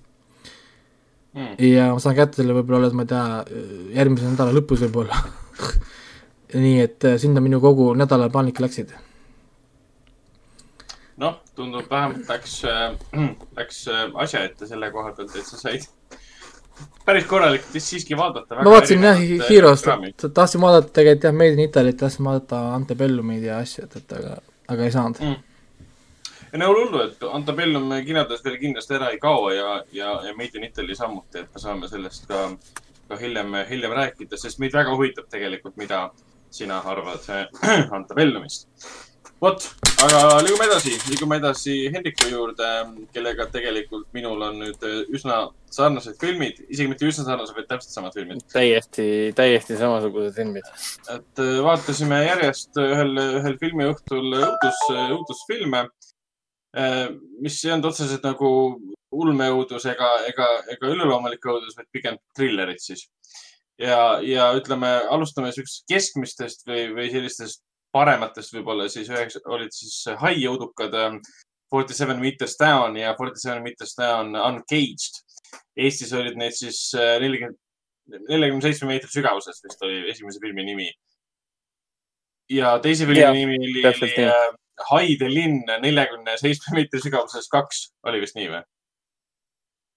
jah, täpselt nii vot ja esimene film on väga-väga lihtne film, et kui sa oled näinud, äh, ma ei tea, Open Waterit või no mingil kujul siis Shallow'st või, või Open Wateri kahte või kolme, mida ma ei soovita mitte kellelegi vaadata, kellelgi vaadata, siis esimene, see Seven Meters Down on sõna otseses mõttes selles, kuidas äh, kaks õde lähevad siis äh, sinna hai, haipuuri lähevad siis paari meetri sügavusse, et siis äh, näha haisid, äh, suurt valget haid siis eemalt ja muidugi läheb kõik valesti ja nad kukuvad siis äh, puuriga ookeani, ookeani põhja ja üritavad seal siis ellu jääda, sealt ära saada. ütleme niimoodi, et film, mis reklaamib ennast ähm, hai, ütleme, trilleri jõudukana, siin on üllatavalt vähe haisid, üllatavalt vähe hai rünnakuid, siin ei ole nagu mitte midagi seda, mis nagu aitaks seda kirjeldada, kui et see on lahe hai jõudukas kuigi kui sa vaatad. ja see oli jah veits kummaline.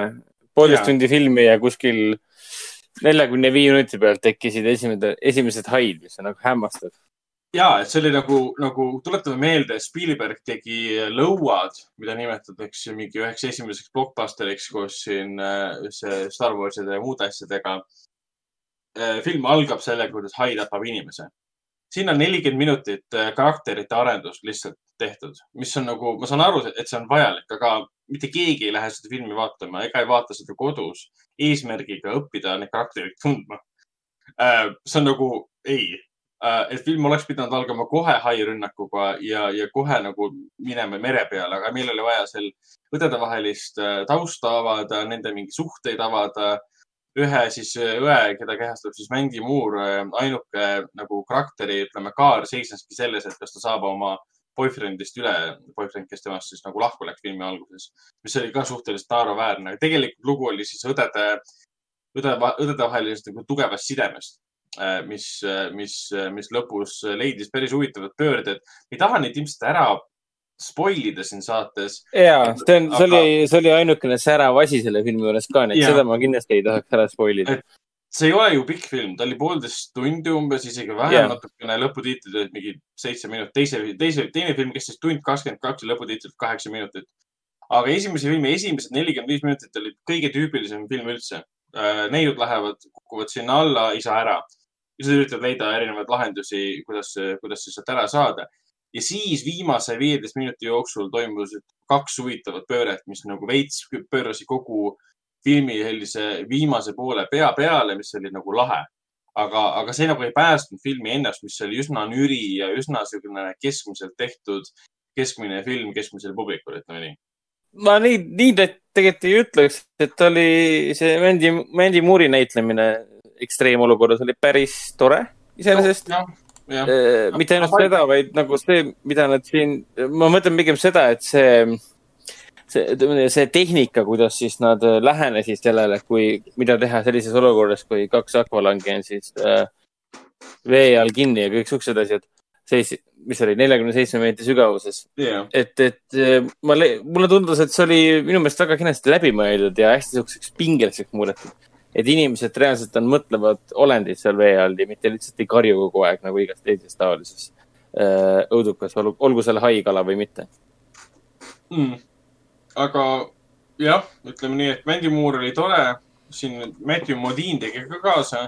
Matthew Modine enamus teavad ähm, Kubriku siis Full Metal Jacketist, tal oli täiesti null roll siin, ta ei teinud mitte midagi et miks ta üldse casting usse nagu läks või lasi ennast kutsuda või palgatšeki pärast võib-olla siis täiesti nonsense arusaamatu valik äh, selle mehe karjääris.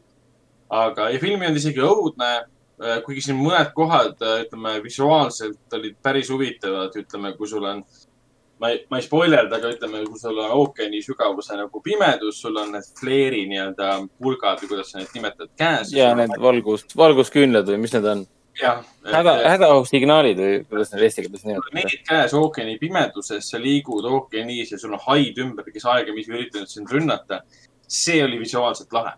et see juba vaikselt meenutas mulle seda Aquamani äh, neid stseene, kus nad seal The Trench'is olid, võitlesid nende suurte, mitte suurte, aga nende kollidega. ja, ja, ja, ja kohati Aga- veits meenutas Pitch Blacki ka, et, et ja noh, natuke küll. pimedust, kuidas pimedust ära kasutada, et jah, kuidas sulle pimeduses ringi, ligi hiili, hiilitakse sind rünnata ootamatult. ühesõnaga film ise, ütleme, kui, kui vaadata seda haiudukana, siis täielik läbikukkumine. kui vaadata teda trillerina, siis enam-vähem, aga kui vaadata teda pigem filmina, millest sa ei oota midagi, aga tekib paar üllatust, siis tegelikult väga hea. et need lõpu, No- lõpuüllatused, et ta muutus selliseks, et anname sulle suure-suure lootuse ja siis põrmustame selle koheselt, oli üsna, üsna tore. see, see Jah. mulle meeldis. jah, sellega ma olen nagu täiesti, täiesti nõus. kuigi no päris, sa ütlesid, et nagu hai filmina täielik läbikukkumine või? ja ta ei ole, ta ei ole hea haifilm, kindlasti mitte. pigem, pigem ma ütleks, et ta on äh, enam-vähem hai film. kuigi hai filmina tegelikult on enam-vähem, mulle ta täitsa meeldis. aga lihtsalt see, seda, seda filmi peab vaatama nagu sirge näoga ja tõsise näoga, sest see film püüab ennast ülemääraselt tõsiselt võtta. sest tema suurim nagu häda oli kohati see, et see meelelahutuse nagu see fakt, meelelahutusfaktor filmis oli tegelikult väga väike Mm. et alles teisel osal, teine osa nagu embas täielikult seda, mida tähendab. see on järjekordne hai film, kus siis noored inimesed satuvad lõksu ja seal on hai, et siis teine osa nagu sama režissöör, sama stsenarist ja kõik siuksed asjad. teise osaga see režissöör võttis justkui kätte, et davai, nüüd ma lähen hästi lõbusaks. et nüüd, nüüd, nüüd, nüüd mind tõsised asjad, tõsised asjad enam korda ei lähe. et teine osa tänu sellele meeldis mulle märgatavalt rohkem. jah, teine osa valmis siis kaks aastat hiljem ja tuli siis ka meie kinodesse. film algab täpselt samasuguse kaadriga. kaamera sõidab vee alla ja jätab mulje, et see on, see on ookeani põhjas ja, ja midagi kohutavat on juhtumas. tegelikult see osutub siis, siis basseiniks. esimene film algas võib, sellega. võib isegi, võib isegi öelda, et sellel ähm, režissööril, kelle nime me keegi vist ei mäleta, on isegi oma, oma stiil isegi. et No tema käpal on oma stiil. Ei ole, see, see ei saa olla sinu stiil, kui sa kordad sama stseeni ja noh, see ei ole sinu autori no stiil. jaa, aga sellest sõltumata see režissööri stiil nendes kahes filmis jääb sulle meelde. jah, okei okay,, režissööri stiil jätkub ka siis sellega, et ka teises osas on siis äh, peaosas äh, õed, kes on siis poolajad tegelikult. ühte õde mängib siis Jamie Foxi tütar, tütre nime ma ei mäleta muidugi. ja teist äh, õde mängib siis äh, Sylvester Stallone'i tütar, kelle nime ma ka ei mäleta. aga ma- Sistine Stallone, nimetame, mis asi? Sistine Stallone. aa ah, jaa, Sistine Stallone, Stallone jah, aga nimetame neid edaspidi siis äh, Sta- Stallone'iks ja Foxiks. jah, et eh, siin samamoodi, et sinna kohe alguses pannakse paika, et eh, õdede vahel, kes on siis, neil on erinevad siis emad. Neil on siis konflikt, ütleme, nad ei, nad ei saa hästi läbi. ja, ja siis, kui nad satuvad, ütleme haide, sõna otseses mõttes haide linna, siis see paneb siis nende suhte proovile, kus nad siis eh, eh, eh, nii-öelda õestuvad või vennastuvad nii-öelda eh, läbi katsumuste. õestuvad või? kas sa praegu ütlesid õestuvad või? ma ei tea, mis on vennastuvad vaste, vaata. vaste või nagu õdede suhtes, vaata.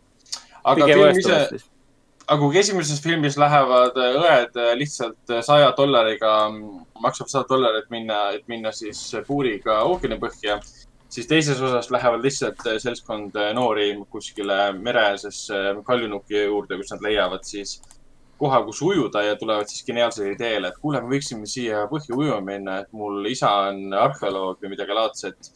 ja, ja ta on valmistamas seda põhi- piirkonda ette, et siin on see majade teispoolsuse uks, mis viib sinna vee alla jäänud majade labori, laborinti nii-öelda, kus kunagi inimesi ohverdati seal päikesejumalale umbes niimoodi. Et see on see Xibalba uks oli seal, Xibalba on siis, me Xibalba. guugeldasime, guugeldasime filmi ajal ka, et see on siis maiade mütoloogias siis teispoolsus või midagi laadset. Chivalba Ja- või mis siis oli? Xibalba jah, see on, see on väga tuttav nimi, minu arust seda kasutas Darren Aronofsky oma selles äh, The Fountain'is allikas ka. Jaa, jaa. see oli küll. Äh, üks, üks maiade jumal, kes tappis seal Jackmani karakteri ära äh, ühes stseenis. aga siin nad lähevad jah, siis äh, viis-kuus inimest lähevad, lähevad siis sõna otseses mõttes veealusesse äh, templisse äh, ak- akvalangi kostüümis siis ujuma. ja alguses hästi tore ja vaatavad ringi, issand kui lahe, siin on kujud ja siin on noh, tõeliselt arheoloogilised vaatamisväärtused siiski. ja, ja siis neid noh, ründab hai ja tuleb välja, et see, need haid, esialgu on üks hai, need on kõik albiinohaid ja nad on pimedad, sest nad on kogu selle aja, nad on arenenud ainult nendes maiade siis äh, vee alla jäänud äh, äh, templi äh, pimeduses arenenud. jah, ehk siis ürgsed, siuksed, eriti ürgsed haikalad. jah, alguses on üks ja pärast tuleb neid, jah. Jah. spoiler. see on, selles mõttes see oli esimene huvitav, see on teine huvitav aspekt. esimene oli see, et te olete kuskil veealustes tunnelites, mis on nagu iidsed, iidse, iidse linna jäänused. teine huvitav aspekt on, sul on pimedad albiinohaid, kes liiguvadki nagu liikumise peale või helide peale. mis oli lahe, aga veider oli lihtsalt see, et sul on nagu väga äh, kitsad tunnelid vee all ja need, see, see oli suur valge hai, suured valged haid, nad kõik massiivsed. Nad liiguvad yeah. üli, üliaeglaselt, et noh, haid tegelikult ju peavad elus püsimiseks kogu aeg konstantselt ju liikuma ja seal oli nagu näha, et see on nagu võimatu elukoht neile. aga see selleks, siin ei pea teadvust. samas, samas see muutis selle just kihvtiks, et see entertainment value tuli Jaa. äh, päris kenasti Jaa. juurde, et kuna kogu film muutus ühtäkki lihtsalt mingisuguseks äh, äh, mahajäetud varemete vahel toimuvaks õuduseks. täpselt, et teine film nagu embas seda, et me saame tegelikult haidega hästi palju huvitavaid asju teha. me saame hai muuta vaikseks, vaikseks mõrvariks, vaikseks killeriks. et siin on Mhm. sõna otseses mõttes hästi palju neid stseene, kus sul tegelane lihtsalt pimeduses kuskil mõni üksik lamp põ- põleb, vaatab ringi või siis ta ei pane tähele, kuidas väga aeglaselt hai läheneb selja tagant. sa nagu vaataksid, kuidas, ma ei tea, Jason läheneb aeglaselt selja tagant või midagi laadset, noh, Halloweeni filmis kus, kus iganes et selline, selline sarimõrvari, selline, selline slasheri äh, tunnetus oli siin väga Jaa, huvitavalt välja toodud. siin oli täpselt sama asi tehtud, nii et niisugune korralik kill, killer movie, siire killer movie. ja ühel hetkel, siukese hai. jah, ühel hetkel ta muidugi, muidugi läks nagu sinna B, B-filmi kategooriasse ka, et äh, mis lõppes umbes sellega, et sul äh, hai haarab sinu kehas kinni ja siis sa lööd äh, varasemalt leitud hai hambaga tal silma sisse ja midagi laadset hea, et siin nagu mm. -hmm. Jason Statham'i meegi stiilis ei olnud, rusikaga lööd teda, hai läheb minema. see on ju Oleks action, action. jah, täpselt, et noh, action'it tegelikult nii palju seal ei olnud, aga just see, see aeglane hai lähenemine, see oli lahe. ja hai CG Äh. oli ka päris tore. jah, no en, enam-vähem, kuigi see lõpp, lõpu, lõpu action läks küll umbes niimoodi, et nagu Jeesus, püha taevas, jumal küll. jah, jah. aga ta oli ikkagi, see oli väga-väga fun selles suhtes, et Jaa. on nagu täiesti bonkers idiootsus. aga jällegi ta võitis sellest, et ta oli selline hullumeelsem ja ja, ja eriti kui neid kahte filmi nagu järjest vaadata. jah, et ta oli ikka meelelahutuslikum ja sa, nad nagu režissöör sai ise ka vist ilmselt aru, et me tegelikult ei pea tegema suurde siis filmi haidega, et see võiks seda ma ei pea kunst, päris kunsti tegema ei pea. No täpselt jah, et nagu hai kunstifilme on juba tehtud ja selleks on, selleks on lõuad, et rohkem pole nagu väga vaja. vot ja siis me vaatasime nüüd selle aasta filmi No Escape või siis Eesti kinodes oli ta siis Follow Me nime all. et äh, mis, mis põhimõtteliselt räägib sellest, kuidas noored lähevad escape room'i ja seal hakkab peale õudus. Kui nüüd detail, detailsemalt rääkida, siis on Mm, uh, on pe filmi pealkiri Follow Me viitab, viitab sellele, et sul on äh, peategelased on vlogijad, Youtube erid, kes siis äh, saavad võimaluse minna Moskvasse, kus mingis vanas mahajäetud äh, tehases on väga eriline escape room, mis on just iga inimesega eraldi loodud. ja sinna nad siis ka lähevad ja arvates esialgu, et see kõik on mäng ja siin ei ole midagi erilist, et me saame lihtsalt no, tavaline escape room. Siis ühel hetkel selgub, et see ei ole enam mäng, inimesed surevad, tema parimad sõbrad surevad, inimesed saavad viga ja siis ta hakkab elu eest võitlema, et sealt välja saada. see on see, mida film jätab nagu viimase kümne minutini mulje. ja see töötab, sest sa kogu aeg mõtled no,, et kas see, kas see on nüüd, jah, kas see on päriselt jah, nõus. inimesi tapetakse või see on osa escape room'ist, ühel hetkel sa oled täiesti veendunud, et see ongi inimesi tapetakse, et no nii hullumeelsed venelased, kes näitavad oma siis mingitele rikastele inimestele, kes maksavad raha, kuidas noored surevad. see, see mulje jäetakse ka filmis. ja, ja, nojah, ja põhimõtteliselt, põhimõtteliselt seda saabki võrrelda nagu, nagu oleks selle, mis oli, eelmise aasta alguse film, see Escape Room, mille vist lavastas Adam Robitel, kes ühe nendest Insidiouse filmidest lavastas ka, kui ma nüüd ei eksi okay, okay,. siis paned kokku selle Eli Rothi Hosteli filmidega. ja, ja siis sa paned siia need äh, saefilmid ka Mhm. ja siis sa saad äh, Follow Me. ja, Follow me või Escape room või tähendab No Escape, tal on kaks, kaks nime nagu või mis tal on? jah, täpselt. kaks jah nime. see on täiesti segaduses asi. ma olin jumala segaduses, kui mulle öeldi, et kuule, vaatame No Escape'i. kaks tuhat kakskümmend aasta film oli Eesti kinodes ka mingi, ma mingi, ah, mis film? ma ju, tõesti, ma töötan kinos ja ma tean, mis filmid seal on.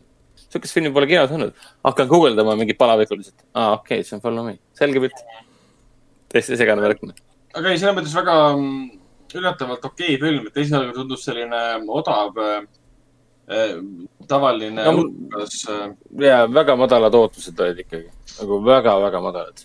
aga noh, pigem oli selline kiiduväärt see, kuidas nad äh, järjepidevalt üritasid inimesi petta, et jah, me filmisime reaalselt Venemaal.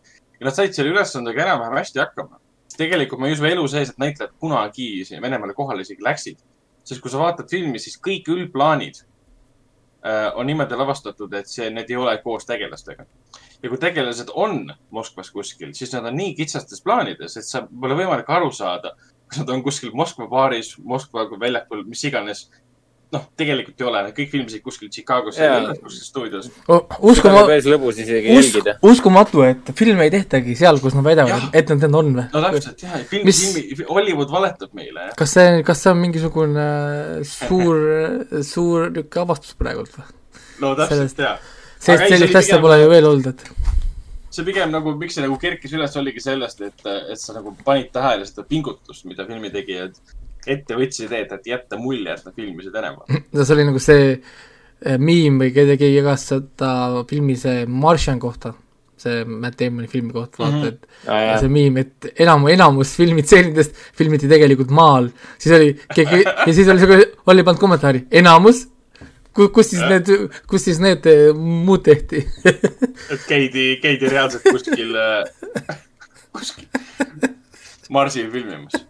Et see oli päris hea. aga, aga film ise ja selles mõttes korralik õudukas, korralikult ütleme üllatus, üllatusmomente.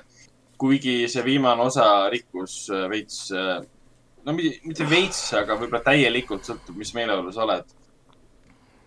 Rik-, rikkus ära kogu selle eelneva mulje, mille film nagu lõi, aga see on täiesti, täiesti no individuaalne jah, ütleme nii, et nagu selle Hosteli Escape Room'i ja selle, mis see viimane film nüüd oli oh,? saag. no.. sae, sae kombo, see nagu toimis, et see nagu justkui koosnes kolmest erinevast filmist ja see mulle täitsa meeldis. tekitas huvi ja, ja, ja ei tekitanud seda tunnet ka, et nagu aitab küll, ma olen siukseid asju ikka elus näinud, et rohkem ma ei jaksa. no pigem täna, ta nagu mingi, mingi sära siin oli. no tänapäeval pidi olema ju moodne vaadata, kuidas äh, influencer'id äh, rabelevad ja, ja, ja ja lõk-, ja. lõksudesse jäävad ja surevad ja mm. -hmm, mm -hmm, täpselt nii ongi. ja see on väga moodne film selles suhtes. ja ma arvan, et tunnevad et siin lähima mingi viie või kümne aasta jooksul me näeme veel palju niisuguseid filme, kus mingid erinevad Instagrammerid, Twitteri staarid, Tiktoki staarid, Youtube'i staarid, whatever, kõik siis pannakse erinevatesse õudusfilmidesse, ulmefilmidesse ja situatsioonidesse, mis, mis, mis võib-olla noh, poleks kunagi juhtunud, kui meil poleks tulnud neid huvitavaid Mm. asju see, on muidugi alati imelik, imelik vaadata, kuidas filmitegijad üritavad seda influencerite, vlogijate maailma näidata. sa alati saad aru, et siin on selline fake pingutus sees, sest nad ei tea tegelikult õrna kuidas inimesed oma elu elavad. Ja siis nad kuidagi loovad oma versiooni sellest, et see oli natukene, natuke naljakas vaadata seda alati. no eks ta, eks ta, eks ta ikka on, et ma, ma räägin, ma isegi tean tegelikult kahte niisugust vlogerit ja see ongi või. kunagi tahaks nende elu endale, nii et äh, see on ja. päris crazy, päris crazy ja, ja sa oled nagu lõksus, lõks, lõksus ka. kui sa iga päev ei tee, siis äh, kohe keegi teine võtab sinu koha üle ja täiesti uskumatu, noh. Et kohati tundub see nii mõttetu, nii et selles mõttes ma veitsa pean tund-, tundma kaasa, nii et aga noh, samas ega ma ei pane pahaks küll, kui võib-olla no, mõni jääks kuskile lõksu ja võib-olla mõni saaks ka igalt poolt välja, nii et. Jah, ise, ise sa ronisid sinna ja tegelikult see ongi nende kõigi kolme filmi äh, põhikreedo, põhikreedo ka, et ise sa sinna ronisid, miks sa lähed puuriga vee alla, et haisid vaadata, see on sinu süü. teine Forty Seven Meters Down, miks sa lähed äh, mingisse veealusesse äh, äh, äh, templisse ronima, ise, ise oled süüdi. kuule, praegu, praegu sa räägid ikka väga šov, šovinistlikku juttu. see on seesama asi, mida, mida öeldakse naistele alati, kui ta läheb meest jalaga lööma või kätega taguma ja siis pärast haiglas ärkab üles, et miks sa lähed siis meestega kaklema. aga siis on, ma pean, ma pean teile, pean sulle pärast saatma treileri filmile, mida ei eksisteeri, selle nimi on Shark, Shark Pool. Ja Aa, see jaa. räägib, räägib sellest, kuidas noortel on basseinipidu, nad avastavad basseinis on hai. aga nad ei jäta pidu pooleli, nad hakkavad leiutama viise, kuidas haist jagu saada, samal ajal kui inimesed basseinist välja ei lähe, siis nad tahavad pidutseda, õues on palav. jah, ja siis, aga probleem selles, et basseinis on hai. jah, ja treilis on üks tüüp, kes on kloorivee sees, okei, ma arvan ka. jah, ja siis inimesed näiteks treileris arutavad umbes niimoodi, mida me nüüd teeme. hai tapab inimesi ja siis üks tüüp on kõrval mingi, ma tean, et ärge, ärge nagu, ärge nagu minge basseini. siis mingi, ei, ei, õues on palav, me peame minema. okei okay., siis mingi, issand jumal, nii palju inimesi on surnud, mis me nüüd teeme, et kes on süüdi, et keegi nagu, ärge minge basseini, lihtsalt ärge minge sisse. me, me ei oleks saanud midagi teha. sest hai välja tulla, hai välja tulla ei saa. nojah, hai ei tule välja, kogu aeg on see küsimus, et aga milles probleem siis on, ära mine sinna aga, ise, ise sa ronid sisse ja saad surma. aga, aga jah, kui, kui keegi korra mõtleb, kuskohast see tuli, siis see on tegelikult, mis ma ennem ütlesin, oli tegelikult ühest Bill Burri stand-up'ist, kus kohas ta Ahah. rääkis, vaata, et kui on koduvägivald ja ei tea, mehed peksavad naisi, et miks, miks seal kunagi ei küsita küsimusi, et miks sa torkima läksid, et a la kui noh, tema näide oli see, et kui sa lähed ma ei tea, kuskil tee äärde või kuskile sa kohtad lõõgis madu või mingit madu. Ja siis madu hammustab sind, siis kui arsti juurde lähed, siis küsitakse, mida sa tegid, kas sa ajasid madu närvi, kas sa läksid talle juurde, kas sa surkisid teda pulgaga, siis miks samu küsi, miks samu küsimusi ei küsita naiste käest, kui nad lähevad arsti juurde, kas sa surkisid meest näpuga, kas sa, kas sa, kas sa käisid talle pinda et selles mõttes, et, et äh, jah, et see on ühest Billboardi stand-up'ist, nii et, et äh, otsige üles ja vaadake, see on päris, päris hea. jep uh,, kuule, aga siis mul ongi nüüd äh, viimasest äh, kahest äh, asjast äh, mainida, et the Bullsist me juba rääkisime, sellest ma räägin pikemalt siis, kui kõik episoodid on. oota, sul on praegu ju viis episoodi vaadatud või? kus, kus maal sa oled Jaa. praegult? viienda episoodiga juures. viies oli see seal-, kus nad seal lõpus avastasid, et seal kuskil äh, hiiglasliku olendi skeleti sees oli keegi elanud ja lapsi pealt vaadanud. See kõlas väga perversselt praegu. no õnneks see ei ole, see ei ole. Netflix, nii et see on okei okay. Õnneks see pole Netflix, et me Jah. vaatame seda HBO-st, HBO, HBO vähemalt ei tooda mingit cute selle, okay. laadset oskajat. aga mis värk seal sellega on, selle Markuse ja tema naisega? või siis äh, Caleb, mis, viiendas. me, me, me, me, see on spoiler meie kuulajatele, aga me teame, mis värk nendega on. selles mõttes, et. ei no aga kus maal nad on? praegult või mis seis seal on? see on see, need episoodid liiguvad nii kiiresti, et ma ei suuda isegi meenutada, mis oli näiteks ei, viiendas ei ole ühtegi veel, veel suuremat reveal'i tulnud nende kohta. ja nad me teame, mis puus, ja et neil on poeg ja, ja kes nad tegelikult on, seda me teame. Markus on uus nagu äh, uus liider nii-öelda kõikidel nendel äh, Solli kummadatel ja nad on koos, kõik on chill. oota, tema, oota, viiendas episoodis ta juba on see liider neil või? ja, ja ta sai liidriks ja. sest et ta, kus ta kuulis seda häält või? viies episood oli see esimene yeah. episood, kus, kus ütleme, ema läks simulatsiooni ja sai teada nii mõndagi. aa, okei okay.. ma tahan, kusjuures ma tahaks teiega rääkida sellest Solist, mul on aa üks jaa, mul on üks läks mul on- mul on üks oma oma fänniteooria, kes see Sol on. ahah, seda me saame siis arutada siis, kui kõik episoodid on nähtud. üks episood on jäänud, aga noh, kuna teine hooaeg on juba ju tulemas, nii et jah aga siis me saame sellest jah pikemalt äh, rääkida, kui meil, kui meil on kõik nähtud. ja me saame teha näiteks saate lõpus, teeme lühema saate ja pikemalt arutame siis ainult Race by the Bullsi äh, sest järgmine reede jah, saab läbi Race by the Wolves ja Ted Lasso, jah, saab esimene hooga läbi mm. -hmm. ja ma võin korra Ted Lassost ka uuesti rääkida, sest üks, üks osa on veel jäänud. nii et. vot äh,, mida ma veel vahepeal vaatasin, oli siis äh, VFV äh,. see on film aastast kaks tuhat üheksateist.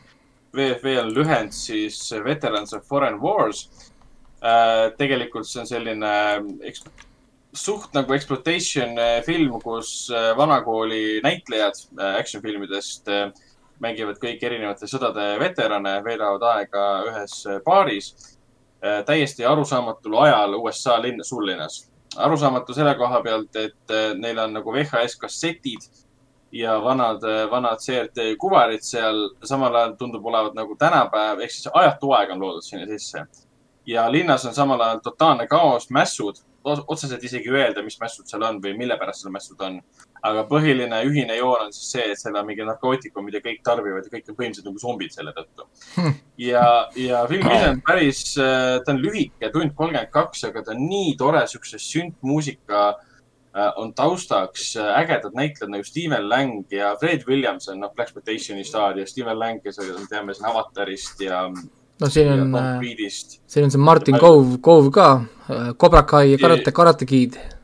täpselt, ma tahtsingi tema juurde jõuda, et tema ka ja William Sadler on siin olemas, keda me teame siin Die Hard kahes näiteks äh, mängis seda hullumeelset, hullumeelset äh, ta mängis seda Robert Patricku lookalike'i, siis kui ma väike laps olin, siis ma arvasin kogu aeg, et Robert Patrick mängis seal teises Die Hardi filmis, No. William Sadler on ju Surm, Bill and Ted. jah, seda ka. või siis äh. Roosevelli on või? ja Roosevelli, Roosevelli šerif on ka, nii et Nice, seda ma ei teadnudki. šerif oli aga okei, ja siis, kes siin veel, Fred Williamson on legendaarne, Martin Cove on legendaarne, siin on David Patrick Kelly mängib ka, kes on see Warriorsi staar. kindlasti paljud teda mäletavad äh, enamjaolt sealt. aga film ise on väga äge mm, action äh, thriller, kus sul on esiteks sellised vanad peerud, kes saavad alati ühes vanas äh, baaris kokku.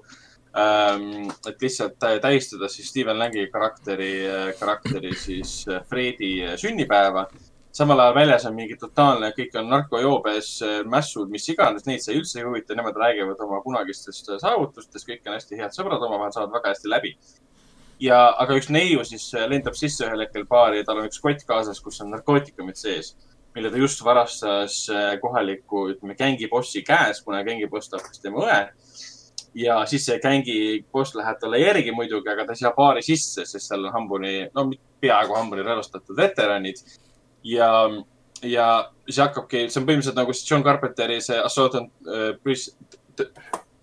rünnak kolmeteistkümnele jaoskonnale. jah, okei. põhimõtteliselt nagu selline film, et sul on inimesed kindlas kohas kinni ja inimesed ründavad seda sisse saada. Aga filmi muudab nagu eriliseks just see Steven Langi, William Sadleri, Fred Williamsoni kombo, nad on nii head omavahel koos, et sa näed, et kõik, kõik on sama generatsiooni näitlejad, kõik on erinevaid filme, action filme teinud ja lihtsalt naudivad oma rolle samal ajal sul on konstantselt selline sinise ja punase valguse segu, kaamera sõidab viltuselt ringi kogu aeg ei tea, kuidas sa nimetad seda. On sünd, sündpopp taustaks või? sündpopp on kuskil taustal kogu aeg jookseb Jah, ja siis jah. jääbki mulje nagu film oleks kaheksakümnendatel ja mida ta võib-olla ongi, aga kunagi seda otseselt ei täpsustata. ma saan aru, et neoonvärvid ja sündpopp, et see kõik kõlab väga arm- armsalt.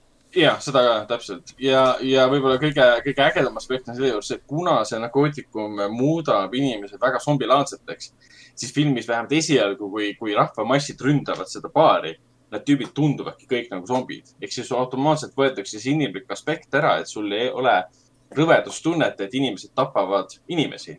sa näed, et inimesed tapavad zombisid. siin on isegi siuksed stseenid sisse pandud, kus nad põgenevad nende e- massi eest, kes on tõesti nagu zombid ja panevad kuskil värava kinni, kus on nagu vahed sees ja käed lähevad sealt läbi. mis eemalt nagu meenutab, aa, see on klassikaline zombitseen, kus zombid tahavad läbi ukse saada. ja nad on suht käituvad ka zombid nagu karjuvad ja rõugavad ja näevad, on sitased ja umbes sodised või mis iganes. Ja see on nagu lahe aspekt, et sa kasutad zombifilmi trope filmis, mis ei ole üldse zombifilm. ja, ja ma ei tahagi ära spoilerdada, mis nagu lõpuni välja kõik juhtub, aga väga hea vibe'iga, väga hea muusikaga, ägedate näitlejatega, suurepäraselt lavastatud, väga verine praktilised efektid, ütleme kurikate saagidega, mootorsaagidega, ajud, pead lõhki, auto, püssid, püsside POV-d, pead lastakse lõhki, et see on, ja ta on sellises, ta ei ole sellises, ütleme, ülimalt tõsises võtmes tehtud ka, et sa mõtled, issand, kui kole vägivald, et see ei ole, see ei ole mingi Lars von Trieri Miami'le Jack ehitus, see on klassikaline äh, niisugune spektaakel, action film kaheksakümnendate vibe'is tehtud, sa ei pea midagi tõsiselt võtma, aga sa naudid seda, mis seal nagu näha on. et see oli ma praegu tahaks võib-olla siit Ma loen- podcast'i kinni panna ja vaatama minna. mulle mulle meeldib lugeda selle filmi review'de pealkirju, vaata, sest tihtipeale, kui film on nii crazy, siis need kirjutajad või nagu loovinimesed mõtlevad nii lahedat pealkirja välja. siis näiteks siin on äh, üks, üks hea, hea pealkiri on, et äh, uh, The more expendable expendables. Jah, põhimõtteliselt jah, võib nii on- öelda, võib nii öelda. et see on nii hea pealkiri ja siis seal on muidugi noh, kohe niisugune kla- klassikalisem, et Hobo with the shotgun meets the expendables ja jah, jah, et ta on, tal ongi see Hobo with the Shotgun'i äh, tunnetus täiesti juures, et ta ei ole nüüd nii hullumeelne, et sul on pilt nii mürane, et sa ei saa mitte midagi aru, et siin, kuigi siin on ka pilt mürane, eriti öökaadetes oli kohati selline tunne, et kas kaamera sätted olid valed, aga ei, see on kõik nii mõeldud. aga, aga lahe oli ka see idee, jah, et, äh, oli nii mõeldud, seda taha Jaa. me mõtlesimegi. kunst, aga kunsti tegime aga,. aga la- lahe on ka see, et tõenäoliselt filmisid neid hävinenud linnakaadreid nagu, mis on selles mõttes hävinenud, et maha jäetud ja traffic'iga kaetud kuskil lihtsalt äh, Chicago kesklinnas. Nad ei pidanud midagi ise ehitama ega tegema, läksid sinna ja tüübid filmima, siis taust on täpselt selline põrgu, nagu see kogu aeg olnud on. et no. see oli äge film tõesti, soovitan. vot, aga sellega said meie filmid ja seriaalid läbi, mida me oleme vaadanud kahe podcast'i vahel. liigume edasi kinofilmide juurde. kõigepealt mainime, et siin kahekümne viiendal septembril alustasid siis Eesti kinodes äh, ähm, Veiko Õunpuu uus film Viimased äh, Pääro Ojaga peaosas. siis jõudis ka Jessica Sustaini märul agent Eiva, jõudis ka uus animatsioon Unenägude meistrid. Vene jalgpallurist äh, ajalooline draama Streltsov Isabel Huberiga humoorikas ähm, triller Narkomemm ja siin nüüd äh, Drake Doreimuse ähm, äh, draama äh, Armastus äh, kolme muutujaga, mille inglisekeelne pealkiri läheb mul iga kord meelest ära, kui ma loen seda eestikeelset pealkirja, sest ähm, see on väga huvitav eestikeelne pealkiri ähm,. aga Hennikul vist ei ole ka meeles. ei, see, aitäh, see oli väga, nojah, aga, aga Artises alustasid siis kahekümne viiendal august äh,, issand, septembril alustasid siis äh, Kuldsed hääled, millest me eelmises saates ka rääkisime, siis ka viimased ja siis ka Andrei Tarkovski film kui palve, dokumentaalfilm, mis esilinastus siis Tarkovski filmipäevade ajal, mida meil käis väga palju rahvast vaatamas.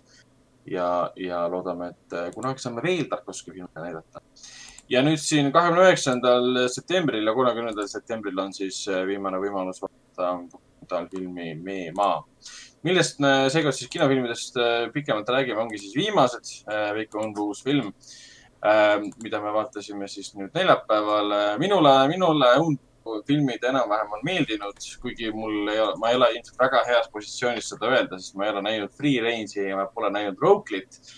aga sama, Ma sama sama, sama. jah, aga, aga mulle meeldis väga ähm, äh, sügis, sügispalli ja siis äh, tegelikult ka Püha Tõnu, Püha Tõnu kiusamine äh,, mis siis omas veidruses äh, väga äge film.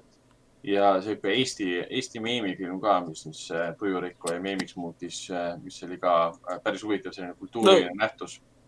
kuigi ma olen päris kindel, et mulle, issand, mis aasta film see Püha Tõnu olla võis üldse? No peast pakun mingi kaks tuhat viis või see on liiga kaugel vist juba kaks tuhat üheksa film. oot, oot, oot, oot. mul on aastat tunne, jah, siuke tunne, et mulle see film meeldis vist ikkagi aastal kaks tuhat üheksa, kaks tuhat kümme ikka rohkem kui, kui tänapäeval. see oli vist seetõttu ka, et kuna me mõlemad olime ju vennaga siis juba seal, issand, olime ju, läksime filmi, film sinna BFM-i, Balti Filmi ja Meediakooli. jah, jah, et siis on kõik nagu umbes selline, kõik on kunstiline, siis sa vaatad äh, suure Eesti režissööri uut filmi ja siis sa mõtled mingi. ja et see on hästi äge ja, aga mu- mul on see meeles, et aastaid hiljem on tekkinud sihuke tunne, et, et Püha Tõnu kiusamist on väga mõistlik võtta pigem siukse ägeda komöödiana, sest ta nagu mingis mõttes nagu parodiseerib, parodeerib, parodeerib paradeerib. äh, kõiki, kõiki neid suuri äh,, maailma suurimaid režissööre, olgu siis Tarkovski, Fellini, Truffaut ja, Bergmanid ja kõik siuksed asjad kokku panna, Kursavad ja mis iganes veel.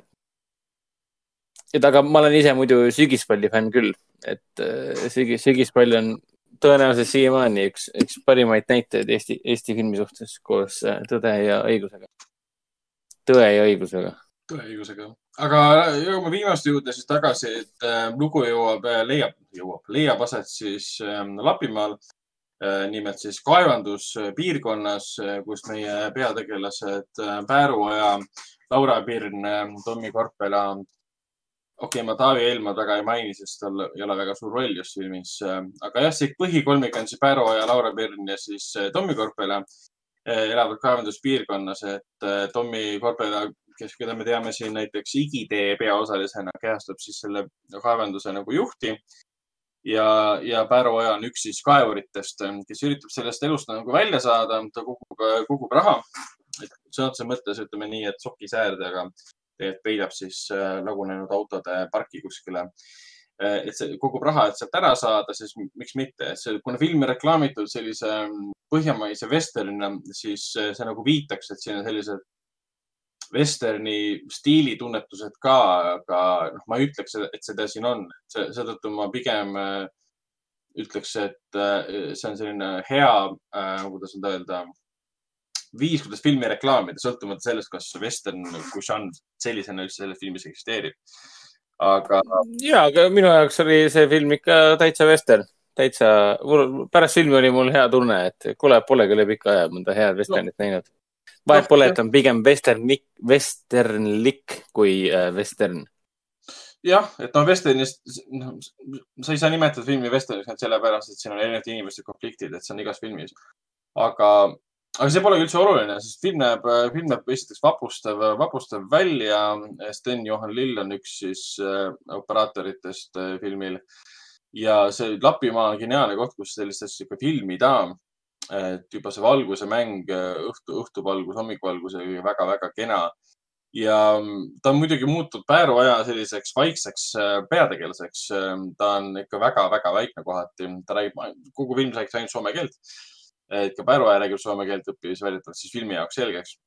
ja, ja ta ongi pigem karakter, kes vaatleb äh, tema ümber toimuvat, äh, laseb endaga erinevaid asju teha ja hästi napi sõnad, et äh, nagu suh, suhestub maailmaga. ta kohati meenutab isegi nagu Tom Hardit, ma ei tea, Mad Max Fury Roadis, kus Tom Hardi lihtsalt yeah.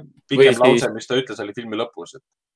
või siis selles äh, Tom Hardi seal The Tropis Äh, see James yeah. Gandolfini yeah. üks nendest viimastest filmidest yeah.. kaks tuhat neliteist vist oli see äkki. Ja aga, aga Päärule see sobib, sest Pääru on niivõrd, äh, ma ei tea, kuidas nüüd öelda, et fotogeeniline ja teda nii huvitav ähm, ilmselgelt siin operaatori režissööril ka filmida. sest ükskõik, mis valguses sa talle leiutad, ta näeb alati väga-väga huvitav välja. tema kujust nagu vastavalt valgusele siis õhkub mingisugune salapära, mingi karakter, mida sa tahad talle nagu peale, peale lajatada aga nagu täpsemalt sellest loost rääkida, siis ongi, et sul on Pääruaja karakter, kes tahab sealt ära saada, kes heidab silma siis Laura Pirni karakterile, kellel on juba siis ähm, äh, poissõber ka seal olemas. Laura Pirni karakterile äh, heidab silma siis ka kogu selle kaevanduse juht äh, Tommy Korpela. Ja seal tekibki selline kolmnurk, ma ei nimetaks seda isegi armu, ta on loodud nagu armu kolmnurgana aga mm, selline mm,, selline hullumeelne armastusväljendus seal siiski ainult äh, Laura Pinni äh, olemasoleva boyfriend'i ja siis äh, kogu selle kaevandusjuhi Tommy Korpela äh, suhtes. Korpel ise on vapustav selles mõttes, äh, kui üks, äh, üks mu sõber nimetas teda Josh Broliniks, et ta oli väga hea rolli, rolli tegi filmis, siis see vastab tegelikult tõele, et ta, vau, see mees on ilma habemeta võib-olla ma ei kujutaks teda ette selles filmis, aga habemega ta oli selline, kuidas no, öelda, hea, heatahtlik boss, kes tegelikult, keda tegelikult ei huvitanud ükski inimene, ta tahtis lihtsalt oma eesmärke täita, milleks ja, oli või... kaevandustöö lõpetamine. ja, et võib, võib öelda küll, et see äh, Tommy Korpel on nagu soomlaste äh, Josh Brolin. ja, ja, ja see Pääruoja on siis nagu eestlaste Tom Hardy või? võib ka nii öelda, jah. kuigi mitte füüsiliselt ilmselgelt, aga noh, jah.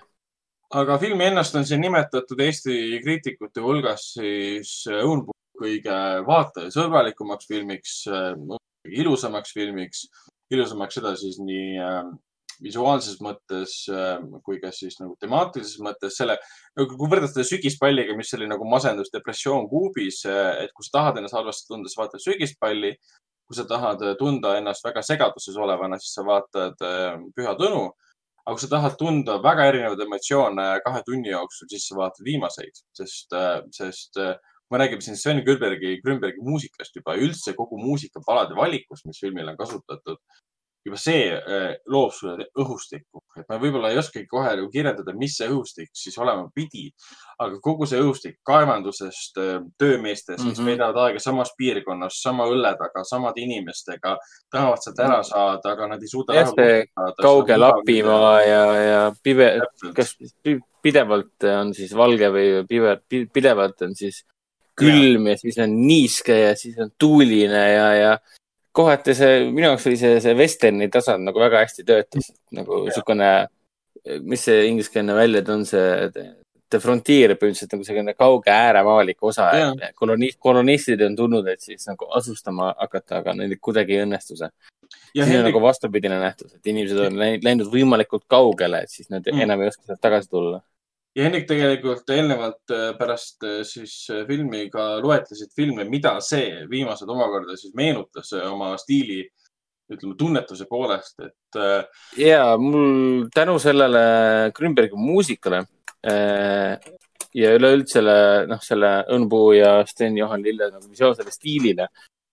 ta meenutas mulle Taylor Sheridani Wind Riverit kohati, siis ta meenutas seda, kes selle The Proposition lavastas Hillcoat. John Hillcoat. John Hillcoati The Propositioni meenutas isegi ja, ja siis muidugi seda Johan Johansoni soundtrack'i sealt äh, Danny Villeneuve Prisonersist yeah.. sihuke kombo tekkis seda vaadates, et, et sihukene sünge ja ka sihukene nõiduslik muusika ja visuaalselt on pilt sihukene väga kaasaarv, sa tunned ennast kuidagi nii, e, sind viiaksegi nagu põhimõtteliselt visataksegi sinna kaug, kaugele äärealadele ja sa tegelikult nagu kohati sa ei saa, aga samas sa ka piisavalt nagu saad ka nendest tegelastest aru ja sa mm. elad neile kaasa. siis kõikide nende motiivid ja nende tahtmised ja kõik nende eesmärgid selles filmis on täiesti selged, ei ole sellist unpuulikku segadust tegelikult ei olegi, on ju, on ju, Venna? ja, ja see enamus põhjus äh, sellest ilmselt, äh, põhjus tulenebki sellest, et ta ei kirjutanud ise stsenaariumit. Et on üks no, stsenarist, kes äh, välja toodud, aga see ei ole Ehm, mistõttu lugu oli selle kohta väga arusaadav, mis oli ilmselt ka mm, nagu filmi, ütleme selliseid probleeme, et ta natuke tundus lihtsalt liiga pikk äh, loo jaoks, mis, millest tegelikult ei olnud mingisugust äh, keerukust väga. et kui sa alguses arvasid, et need on suhted, siis jah, need oligi need suhted ja kui sa alguses arvasid, et need suhted võivad lõppeda nii, siis need ka nagu lõppesid, aga ma ei, ma ei nimetaks isegi seda nagu miinuseks, see oli pigem see, jah, sa saad aru, mis hakkab toimuma, aga see, kuidas sinna punkti jõudakse, oli pigem nagu isegi huvitav mm. -hmm. ja ma tooksin isegi võrdlusvariantidele meil välja siis äh, Scott Cooperi Out of the Furnace'it, mis oli selline äh, yeah. Yeah. kuidas, kuidas sa nimetad seda, ta on niisugune failed Americana kujutamine ja siis ma, ma ei ütleks Taylor Sheridani Wind River meenus ainult tänu sellele, et nad tegelased olid kuskil kaugel eemal tsivilisatsioonist ja ka viimastes toodi sisse kohalike hõimude viimased riismed, äh, kes elavad ja, maapinnal, mida vaikselt lõhat-, õhatakse. no siin see vesterni osa nagu tuligi sisse, et Tommy Korpela kehastab sellist kurja, võimutsevat, laienevat äh, kaevandusomanikku, kes tahab hmm. kõik endale saada ja siis laieneda, siis kuskil seal on saamid kes siis kasvatavad oma põhjapõtru ja, ja nemad ei anna maad ära ja siis see maaomanik on, see kaevandusboss on nagu ilgelt pahane ja vihane hakkab siis manipuleerima ja nii edasi.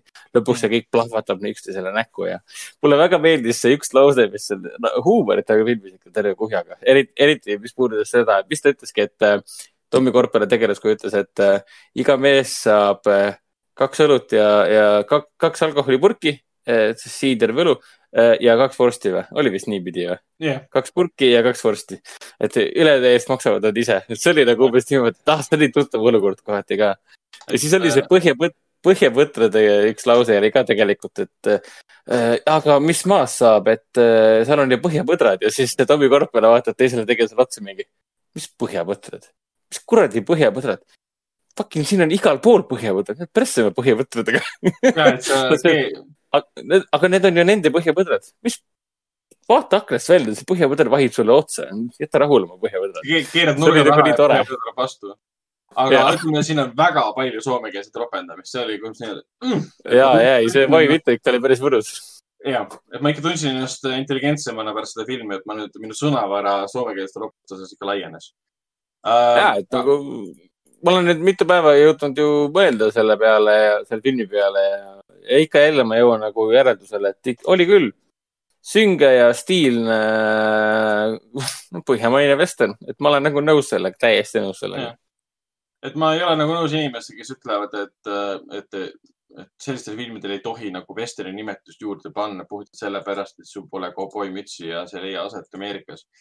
et western on siiski nagu stiil, mida tegelikult saab rakendada ka teistes žanrites, kus ei ole kauboimütse ja, ja indiaanlasi. aga, aga kokkuvõttes viimased on, viimased on hea film viimased on tõesti võib-olla siis Sõnbu äh, kõige vaatajasõbralikum, mida mina soovitan kõikidele kindlasti vaatama minna. mitte sellepärast ainult, et Eesti filmi peab toetama, vaid pigem sellepärast, et see on lihtsalt, ütleme, audiovisuaalses mõttes võimas elamus, mida kahe tunni jooksul tasub kindlasti kinos just, just nautida ja ta on ikkagi väga suur ja väga kaunis pilt, mm. -hmm. et see on ikka ehtne kinofilm. aga liigume, liigume, kuna me oleme mõlemad nõus, et seda peab kinos kindlasti vaatama ja see on, meile see meeldis, siis ma arvan, et me liigume siis meie kinofilmidest, kinofilmidest viimase filmi juurde, milleks on okei. Lõputust. Mul õnnestus- ja ei, ma tahtsingi selleni jõuda. no ma mõtlesin, et äkki sa, äkki sa ei pane tähele uh,. mul on, mul õnnestus see ikkagi lõpuks ära vaadata uh,. ma käisin seda sõpruses vaatamas. sa räägid siis Mm. äh, Roy Andersoni About the Endlessness lõputusest, mis nüüd Jah, see- jooksebki sõpruses. see, see kurikuulus lõputuses, sest uh, uh, ma saan aru, et kõik olid väga suures segaduses missuguse pealkirjaga see film tegelikult on. on ta siis lõpmatusest, on ta siis lõputusest lõputusesse või midagi sellist ja siis äh, kõik on väga äh, humoorikas, selle filmi pealkirjaga seoses toimub. aga mina jäin äh, filmiga väga rahule, täielik Roy Anderson selles suhtes äh,. hea lühike film, mingi üks kuusteist, üks viisteist kestis vist, et äh, mis ta siis lõpuks koosnes mingist äh,, ma ei teagi, mit, mitu numbrit, mis ma pakuksin, võib-olla kahekümnest pildist nii-öelda või? et ta on nagu pilt, piltfilm nii-öelda, et mm. siin on äh, alati on ju üks, üks, üks, üks kaader ja, ja üks tegevus ja see kõik on alati niisugune valus must huumor tegelikult. Ja mulle nii meeldib see Roy Andersoni äh, stiil äh,, kuidas, kuidas ta nagu, ta ei tee suuri plaane, ta ei, ta ei pane tegelasi kaamerale nagu lähemale äh,. kohati oli mul ka niisugune tunne, kuidas üks tegelane hakkas rääkima ja ta ja nad mõlemad tegelased olid nagu äh, ekraanist nagu võimalikult, kaamerast võimalikult kaugel tegelikult natukene. ja siis üks hakkas rääkima, ma mingi, oota, kumb neist nüüd räägib, sest ma Mm. reaalselt nagu, nad ei ole üldse nii lähedal, pole harjunud sellega, et sa nad nagu, sulle ikka näidatakse, kes on rääkija. sa pidid suu liikumisega aru saama.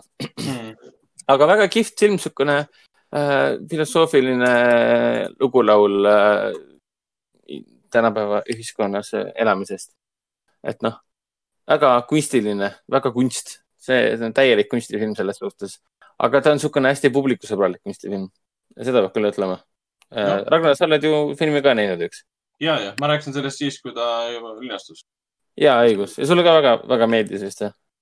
kas just väga, aga väga hea mulje jättis küll. ja ta on hästi-hästi lihtne, hästi lihtne ja publikusõbralik kunstifilm ja tal on tegelikult äh, igale ühele tõenäoliselt äh, väga palju öelda. et noh, isegi kõik need klipikesed ka, mis siin on, on tegelikult ju noh, isegi lühifilmidena vaadatavad. ta pigem võib, võib öeldagi, et ta on lühifilmide kogumik isegi või noh, mingis mõttes. et äh, nüüd saab seda filmi, kas sõprus enam ei näita või? ei, sõprus veel näitabki nüüd viimased kordi. Ah, mujal okei. kinodes filmi enam ei ole, et on ikkagi. Äh, tegelikult on äh, meil Foorum Cinemas kinos, Viljandi kinos äh, Centrum saab seda siis Viljandi kogukonna kino eriürituse raames homme ehk siis kahekümne kaheksandal septembril veel viimast korda ka äh, Viljandis näha. Mhm. Et jah, väga kihvt film, et ma isegi, mõne, mõne aasta pärast vaataks uuesti. no nagu enamike Roy Andersoni äh, filmidega. aga jah, rohkem, rohkem tõesti see nädal ei jõudnud äh, filmi vaadata. Äh, jah, enne kui edasi liigume, mainiks jah ära, et ma vaatasin Netflixis ära ka Social Network'i uuesti äh, vist teist korda või kolmandat korda või neljandat korda, ma ei vaadanud. What? okei, võib-olla ainult sellepärast, et praegu räägitakse hästi palju sellest ähm, Aaron Sorkini uuest äh, filmist äh, The Trial of Chicago Five vist oli või Seven, Seven äh,, mis yeah. räägib, et see on väga Oscari sõbralik film, et see ja omab kõiki, kõiki Aaron Sorkini nagu trademark'e äh, nagu siis Mollis Game'is ja West Wingis ja uudistetoas, mis see oli? Newsroom, Newsroom ja, ja, ja, ja nii edasi, aga Social Network lihtsalt, see on nii hea film, see on täiesti lõplik, seda on nii võimatu riski kinni panna, jah, nõus. sest, sest ta, ta on nagu, kuidas nüüd öelda, niivõrd pingsalt lavastatud, et kui sa ta tööle paned, sa jäädki kuulama neid tegelasi. see on väga vähe stseene, kus tegelased ei räägi ja sa jäädki kuulama tegelasi, siis see on nii huvitavalt kokku pandud. sa tahad edasi teada, mis juhtub, kuigi sa oled filmi kaks korda näinud ja sa tead, mis juhtub.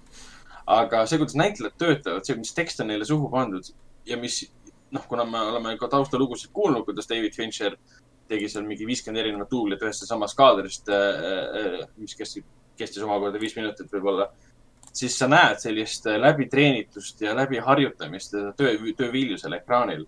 ja, ja seda on noh, tõesti har, harukordne film selle koha pealt, et mida, mida kannab enamjaolt siiski stsenaarium, muidugi ka siis David Fincheri nägemus, nägemus, nägemus filmist, mis tema puhul on alati, alati väga eripärane. vot, aga liigume edasi, liigume edasi, liigume edasi, liigume edasi uudiste juurde. et enne, kui me saatega alustasime, selgus, mis on Borat kahe uus pealkiri. see, see on päris hea, see on, see on päris hea. tähendab, korraks mainin seda tausta ka, et me paar saadet tagasi rääkisime sellest, et Sacha Baron Cohen, kellel on ka Aaron Sorkini uues filmis äh, Style of Chicago Seven dramaatiline roll. see film tuleb ainult siis Netflixi ja võib-olla USA kinodesse mõnda. aga see pole praegu oluline, et Borat kaks vahepeal filmiti ära. see on olemas, seda näidati kuskil test screening utel ja peaks tulema mingi aeg välja. me nüüd ei tea, kas kinodesse või, või, või siis otse kuskile platvormile. aga kui, kas te mäletate esimese osa pealkirja peast või? Äh, see oli, see oli ka, see oli ka väga pikk, mingisugune Republic Kasahstan mingi, see oli, see oli. Borat uh, Cultural Learnings of America for make, oota, Borat Cultural Learnings of America for make benefit glorious nation of Kasahstan. ehk siis kirjutatud inglise keeles. teise osa pealkiri uh,, vähemalt esialgsete andmete põhjal, on siis uh, Borat Gift of pornographic monkey to vice premier Michael Pence to make benefit recently diminished nation of Kazakhstan. ahah, okei okay., ma ei saanud mitte midagi aru praegu. ehk siis, ehk siis hiljuti hääbuma hakanud äh, Kasahstani, Kasahstani riigi jaoks te, äh, auks tehti siis äh, äh, asepresidendile Michael Pence'ile kingitus, milleks on siis pornograafiline ahv. Ma ei tea, mis asi on pornograafiline ahv, aga ma ei usu, et ma No eks ma, arvan, et filmis, E-, eks sa saad äravaatamist, eks sa saad teada. teada jah, ega siin muud, muud varianti ei ole. äh, ära rutta ette nüüd. see on siis pealkiri, mis, mis lekkis VGA kaudu, Writers Guild of America. et me nüüd ei tea, kas see on nüüd ametlik äh, pealkiri või mitte, aga ühel hetkel, kui film välja äh, tuleb, siis äh, see ka selgub. vot, aga nüüd räägime rõõmu-uudisest, mis puudutab eelkõige Raikot äh,. Wow. Raiko, Raiko elus on küll palju rõõme olnud vahepeal. ma, ma, ma isegi ei tea, mida sa mõtled. rõõmuroll. Raiko elus on Rõõmu- palju, palju rõõme olnud, aga ma arvan, et kõige suuremat rõõmu pakub ikkagi teadmine, et äh, The Boys äh, saab spin-off seriaali, mis on see R-rated seriaal ja räägib siis äh, äh, koolist, kui need äh, äh, poisid või siis äh, kangelased äh, või siis võimetega inimesed äh, käivad äh, koolis. Et see peaks nende kooliajast rääkima. siin on kohe näha, et Ragnar pole sarja vaadanud, et ma vabandan kõikide, kõikide inimestega, kes, kes vaatasid, sest viimane asi, mida The Boys tahab, on, kui neile öeldakse, et nad on äh, supp, supp või superkangelased. see on kõige viimane asi, mida nad tahavad kuulda. aga muidu aa, see on nagu või? Nende jaoks on see küll jah, sest nem-, The Okei. okay. Boys on kõik tavalised inimesed, kellel ei ole võimeid. ma siis igaks juhuks täpsustan üle. et nad, nemad, nemad on need, kes võitlevad superkangelaste vastu või noh, supside vastu ähm, aga see kõlab väga nagu ju X-men ju, ehk siis X-Boys või, või mis selle nimi siis on, et, et ma arvan, et see võiks olla X-Boys, see oleks päris hea. aga siin võib olla mingisugune trademark teema. mingi copy, cop-, copyright hüppab varsti sisse, sisse, kui nad äh, niimoodi tahavad seda edasi minna, et jaa, aga selles mõttes arusaadav, et The Boys on väga populaarne praegu publiku hulgas, kriitikute hulgas ja üldse ei imesta. tal vaata, tal mingi uudis käis läbi vaata, vaatamiste kohta ka, et vaatanumbrid olid mingid äh, päris suured, et äh, ma saan aru küll, miks, miks nad tahavad nagu, no miks nad tahavad seda nagu teha, aga noh, ma ei tea, kui hea mõte see on, ma olen väga skeptiline nende spin-offide suhtes, no kui see spin-off sünnib, ütleme niimoodi, et sul äh, kõigepealt sa teed selle ära ja siis sa lähed kolmanda hooaja peale, kui sa teed kolmandat hooaega samal ajal, kui, kui tuleb spin-off hooaeg, kus on samad tegijad, siis see tööde jaotus võib kogu seda asja segama hakata. aga isegi see pole võib-olla probleem, et äh, mis selliste spin-offidega alati probleem ongi see, et see tuleb välja ja see üldse ei mõju. ta ei ole nagu seriaal, mis oleks sama kvaliteediga, see mõjub sellise suvalise veebi asjana, mis üldse nagu ei seostu tegelikult sellega, mis, mis põhiseriaalis toimub. Aga antud juhul ma ei tea, tundub, et äh, nad saavad äh, päris palju vallatseda äh, või siis oma tegelastele hästi palju krutskeid sisse panna. kuna see on ikkagi R-rated ja leiab aset, leiab aset siis koolis, kus õpilased hakkavad omavahel, ma eeldan, et erinevate äh, võimete abil siis räigusi korraldama. see, ma isegi ei kujuta ette, mis võib tulla, sest arvestades, kui räige see sari tegelikult nagu on, ta on väga niisuguse joone peal jookseb, on ju, ta jookseb väga niisuguse joone peal ka, et võib tegelikult isegi kohati saada siin väga noh, teatud stseenide põhjal sa võiks vaadata, et see on võib-olla mingi porno, pornoparoodia, on ju, aga ta võib Mhm. olla ka täitsa vabalt mingi õudusfilmi väljavõtted, kui sa vaatad siin teatud äh, verisi, veriseid stseene, nii et ta jookseb siin väga piiri peal. isegi ei tea, noh, kuidas, kuidas nad seda ülikoolis nagu tegema hakkavad või, või mis noh, aga noh, kuna numbrid on suured, Amazonil just rahas, rahas puudust nagu ka ei tohiks olla.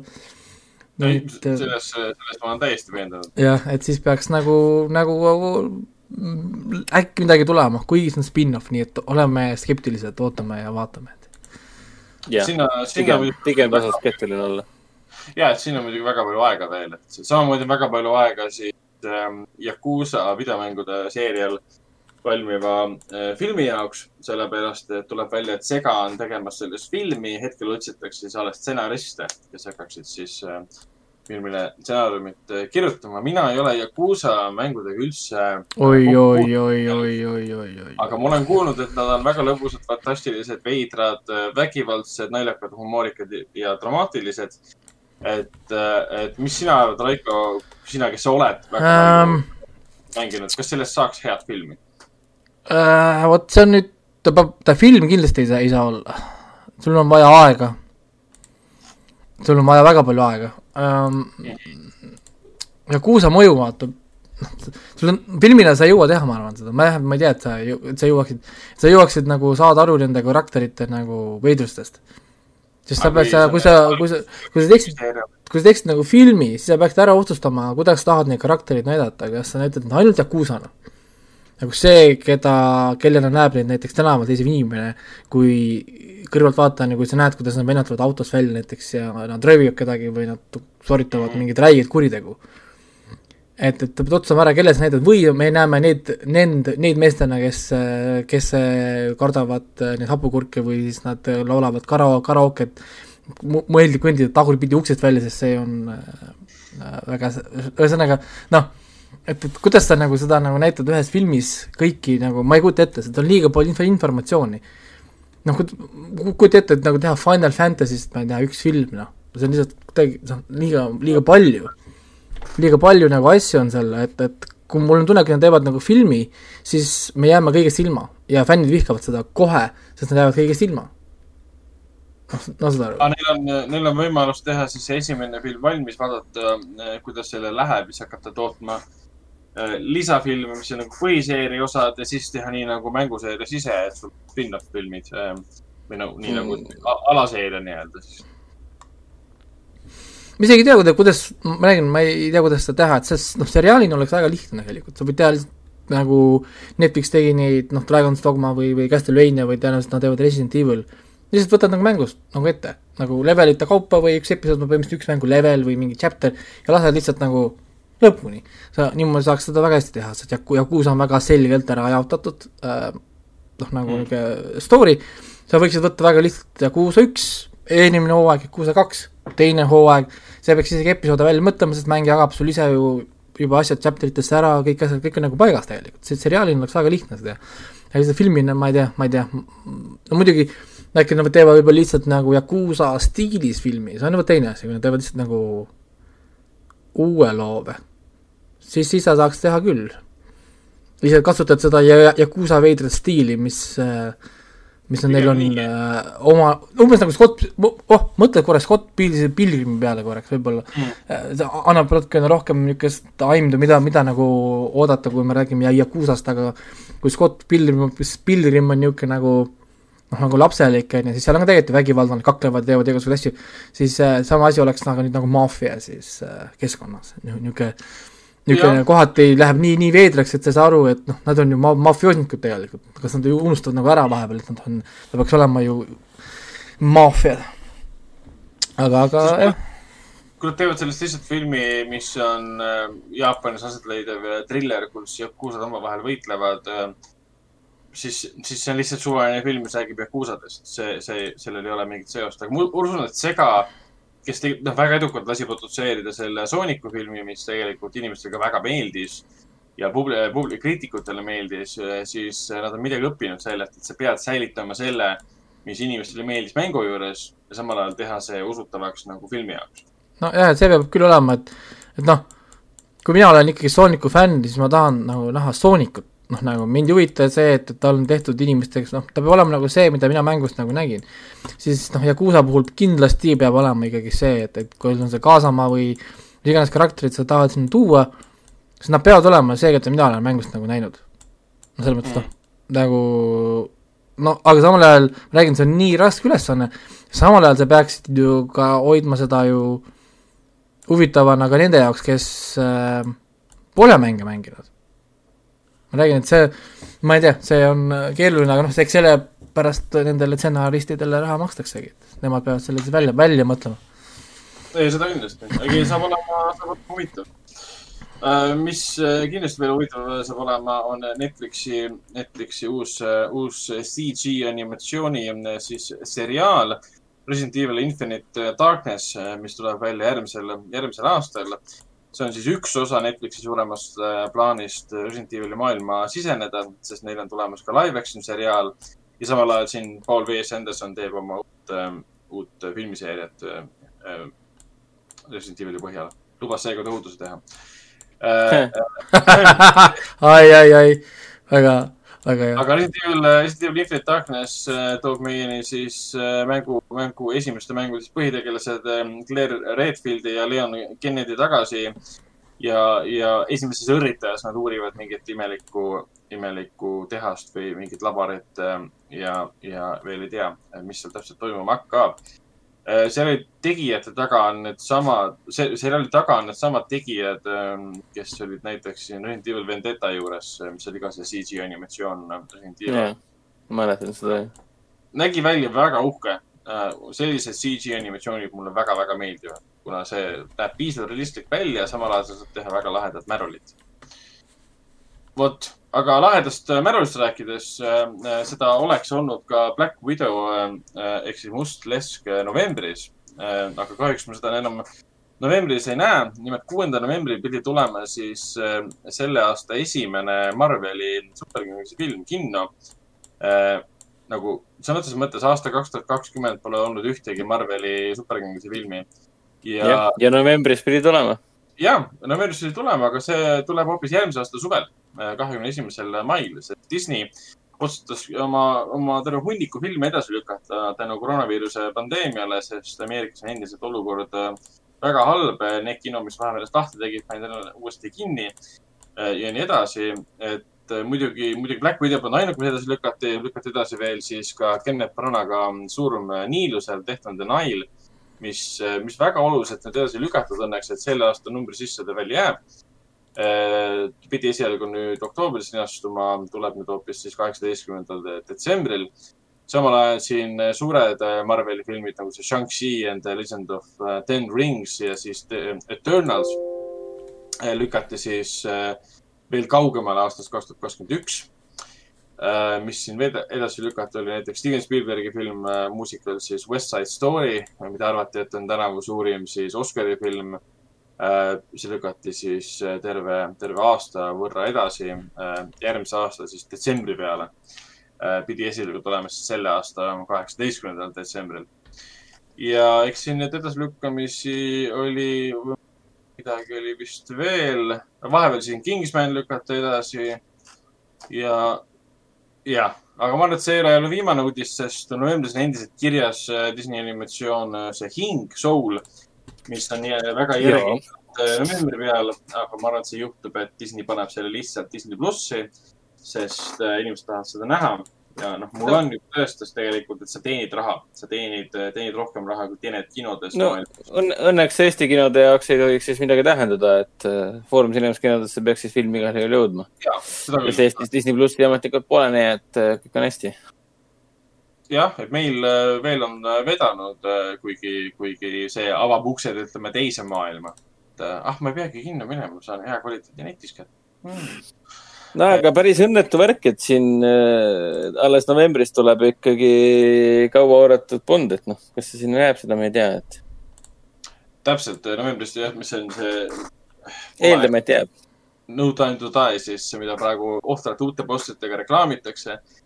et äh, kas siis, kui ma ei eksi, siis ongi praegu selle aasta viimased päästerõngad kui me räägime Hollywoodi nagu suurfilmidest, blockbusteritest, üldse maailma kinode, Hollywood äh,, USA kinode jaoks ongi siis Surm Niilusel, Hing ja mis see viimane film on, mis sa mainisid?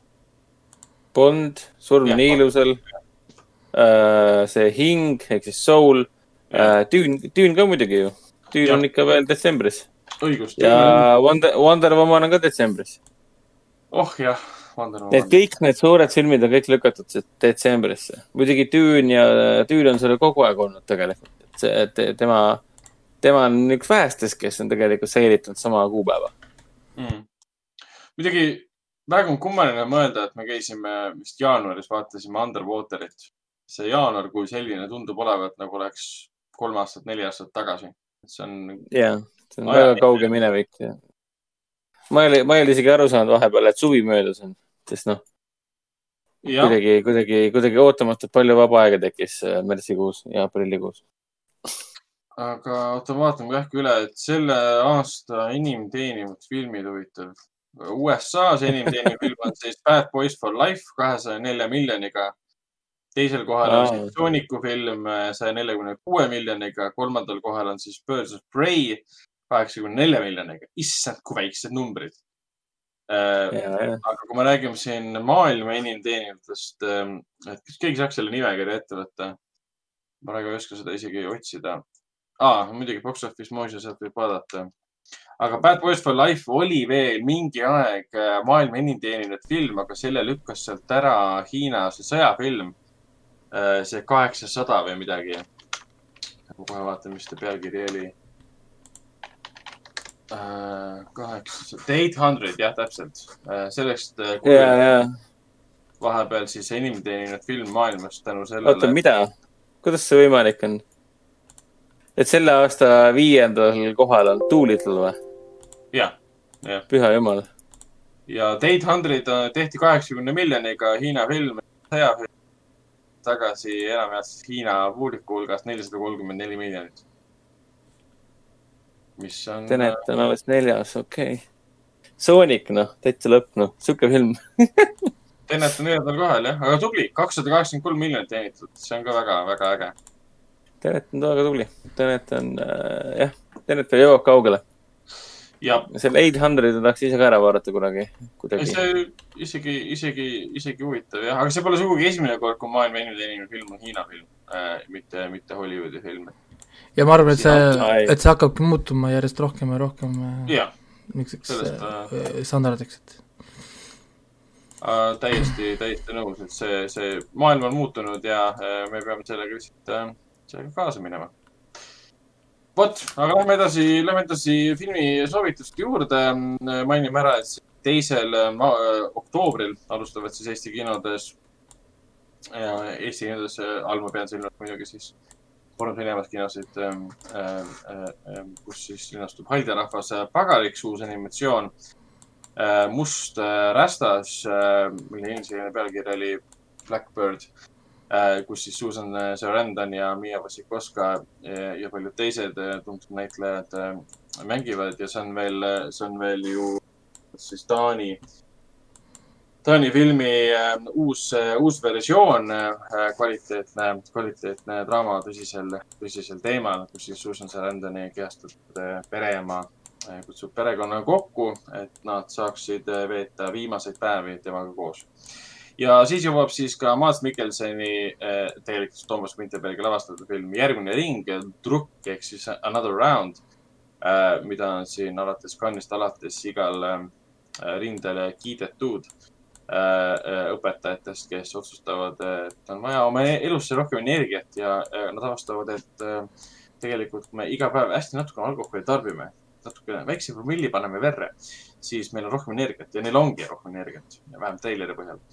ja, ja, ja, ja siis ühel hetkel nad avastavad, et äkki, äkki tõstaks promilli ja siis nad avastavad, et see ei ole enam hea ja see läheb asi käest ära. ma loodan, et keegi neid autoga seal ei sõida. Ma arvan, et see võib juhtuda küll. arvan, Ja nad sõidavad tuleb- seal autoga ja, ja jalgrattaga sõidavad ja eks nad proovivad igasugu- igasuguseid asju. tõukerattaga. ja täpselt, tõuksiga, selle Bolti. no jaa, see elektri, jah, elektritõuks. ja siis viimasena jõuab siis valmis jõud ehk siis äh, Nature äh, Mel Gibsoniga ja Emil, Emily Hirsch'iga. Mel Gibson on tagasi äh, võitlemas, võitlemas orkaani ja. võitlemas. loodusjõududega. no loodusjõud ja pahade. film, film esitabki küsimuse, et kas, kes tegelik, kes või mis tegelikult on loodusjõud, kas Mel Gibson või loodusjõud? no vaadates ainult, Gibsoni, ainult sinu kinos. vaadates Mel Gibsoni minevikku, siis ma arvan, et ta on ähm, ise üks paras, paras lo- loodusjõud. No absoluutselt nõus, nii ongi. no ma- ei pea silmas tema, tema, tema äh, väljaütlemisi, ma pean silmas võib-olla seda ka, tema väljaütlemised pluss tema karjäär, olgem ausad, lihtsalt vaadake tema filme. see mees on kui- kohati nagu loodusjõud. ta võiks lihtsalt suu, suud rohkem kinni hoida äh, ja oma habet kasvatada. no see, kes, kehtib tegelikult iga, suht iga näitleja kohta või influencer'i kohta, kes räägivad teemadel, millest nad ei tea mitte midagi, see on, mul ei, ma ei ole teadlane, aga ma ei ole rassist, aga onju, ma ei ole, ma ei tea, klimatoloog, aga ja siis äh, mis iganes sinna tuleb otsa, onju. ja siis hakkab pihta. noh, et, et kui keegi küsib te- näitleja käest mingit sügavat poliitilist küsimust või teaduslik, teadusel põhinevat küsimust, siis sa võid alati vastata, et ma ei tea, näitleja. Ei, ma ei tea.. Ma ei tea või siis ma olen näitleja, ma tahan, tahan vastata küsimustele, mis seostuvad minu filmiga. ei no üldse tegelikult ma tuletan inimestele meelde, et ma ei tea, on täiesti legaalne vastus küsimusele, millele sa tõepoolest vastust ei tea. No sa ja, ja see on punktiga ka, selles mõttes, et ma ei tea, punkt, see ei pea olema, ma ei tea, aga ei pea ka tulema sinna otsa see aga, on ju, lihtsalt ma ei tea ja ongi kõik. ja ongi sinu nagu vastus, et isegi kui sul on arvamusi või ideesid, siis äh, kõik ei pea, ei pea jagama. ei, täiesti, täiesti, täiesti nõus.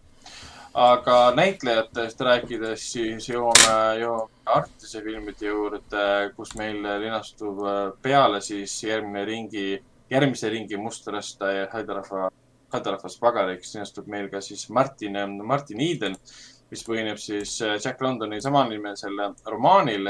see on siis film, mis linastus eelmise aasta Veneetsia filmifestivalil kus ta võitis ka siis äh, parima näitleja auhinna. ja, ja vaadake seda treilerit, vaadake seda filmi kriitikat, see on äh, fantastiline film äh, ja üheks äh, aspektid, mis muudab selle fantastiliseks, on Luca Marinelli, kellega minu esmane tutvus oli muidugi siis äh, Netflixi The Old Guardiga, kus ta mängis ühte neist äh, surematustest. aga ütleme, Martin Edenis saab teda näha hoopis, hoopis, hoopis teises, teises rollis ütleme selline äh, ajalooliste äh, lugude austajatele äh,, raamatu, raamatutel põhinevate filmide austajatele, suurepärase kinematograafia austajatele ja näitlejatööde austajatele ka äh,. Mida ma unustasin mainida, on siis muidugi see, et äh, see on juba neljas saade, kus ma seda mainin, et viiendal novembril saab näha siis Foorum Cinemas äh, kinodes äh, Idiot Breyer, Nick Cave, Alone at Alexandra Palace äh,.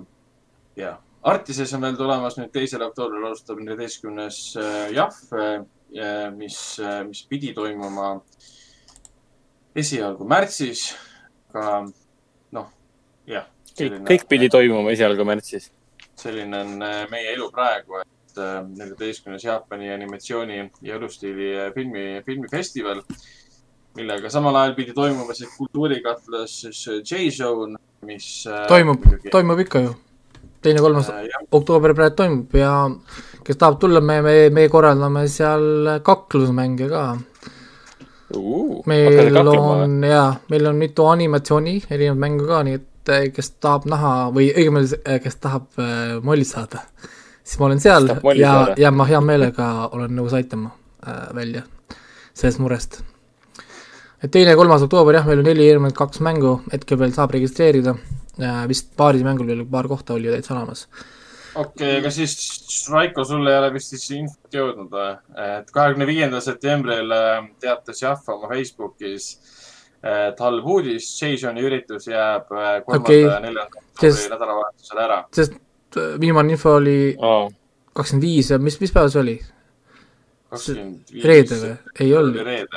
kakskümmend kuus oli reede, kakskümmend kuus oli reede ei olnud kakskümmend viis, sest reedel tegelikult alles rääkisime, et me esmaspäeval lähme isegi tegema tehnikaproove, hetkel pole Aa. keegi öelnud, et proovid jääks nagu ära, ma ei tea. äkki okay, nad siis homme, homme ei ütelnud.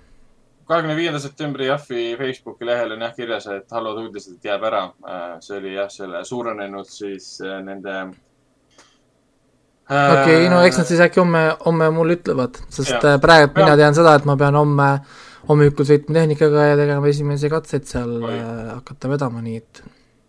no ütleme nii, et kui nad ära jätavad, siis on see loogiline ka. ma eeldan, et neil on tuhat piletit ette müüdud ja tuhanded on sinna tulemas ja nad saavad sisse lasta ainult seitsesada viiskümmend inimest. Äh, neil pole mõtet korraldada, mul on tunne. Et lihtsalt seitse või seitsmesaja viiekümne inimese pärast nad ei teeni no jah, no siis, siis, siis ei ole seda, mis siis ikka. aga uuri, uuri kindlasti välja, et võib-olla tõesti see info veel, veel ei liigu. Naudime ah,, naudime siis koroona aega jälle, et äh, sest sama asi praegu, kusjuures järgmine nädalavahetus siis mitte nüüd, äh, ülejärgmine nädalavahetus peaks toimuma Riias Unicon, aga mul on tunne, et sellega tuleb täpselt sama asi nüüd, sest me pidime seal ka korraldama, aga nüüd kuna vist Riia võttis vastu, et Eestist ja Leedust tulevad inimesed peavad olema kümme päeva eneseisolatsioonis, vist jääb see ka vist ära siis lõpuks, sest nad ei taha korraldada suurt Uniconi, kui Leedu ja Läti inimesed ei saa tulla. Nojah, mis on jah, selles mõttes jälle meenutab kõiki seda märtsi-aprilli perioodi, kui seda järjest äh, need sündmused toimusid.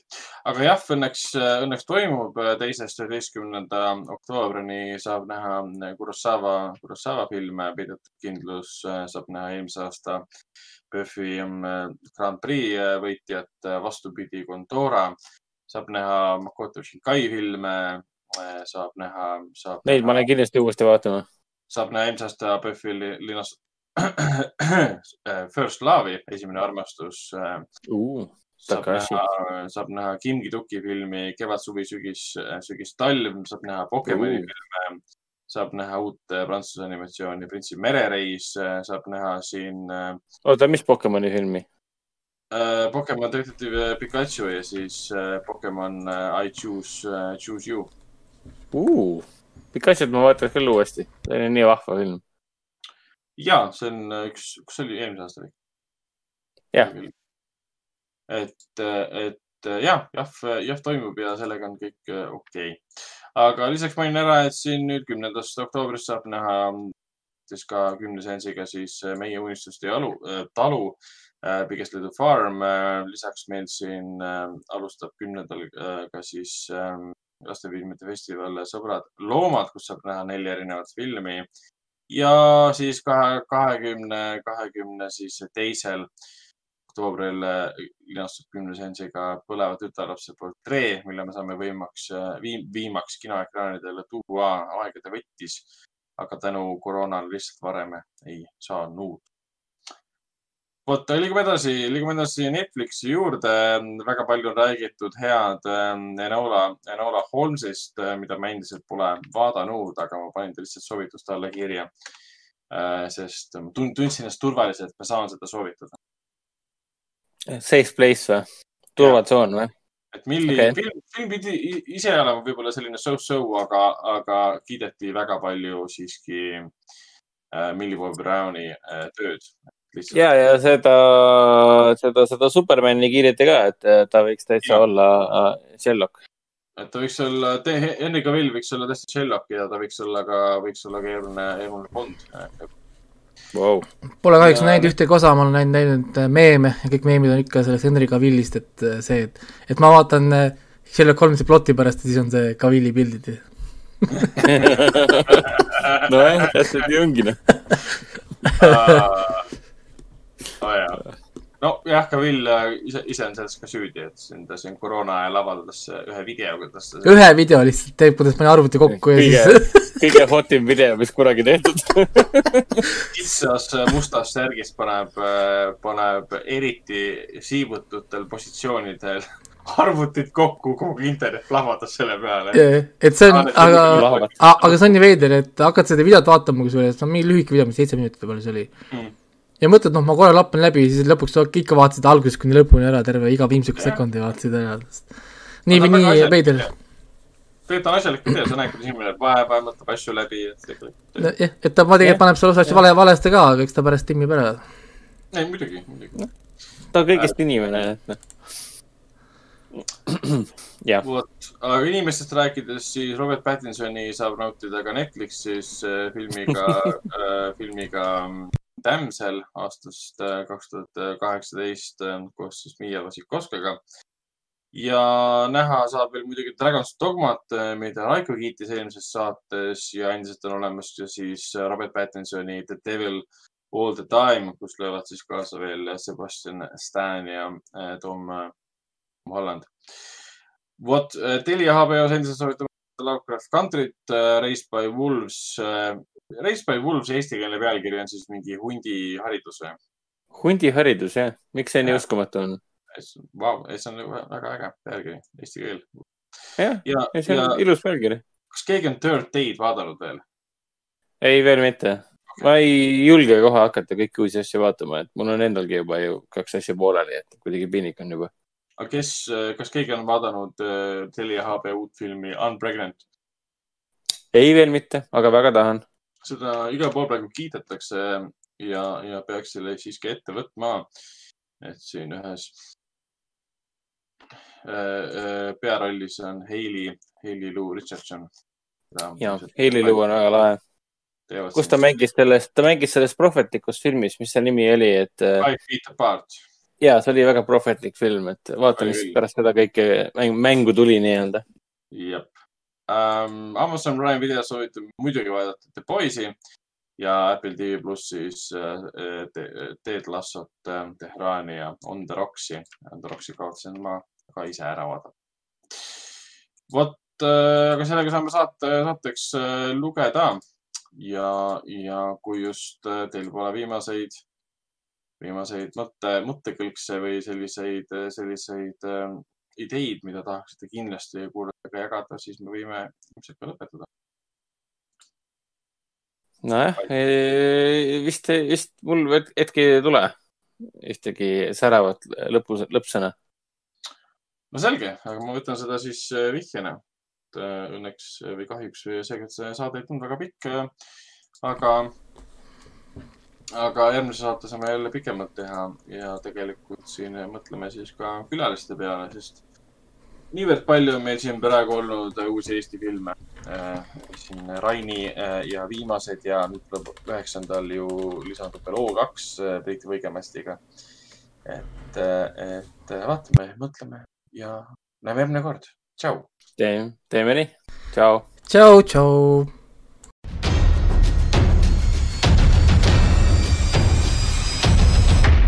Kinoveebi Jututuba podcasti toob teieni Foorum Cinemas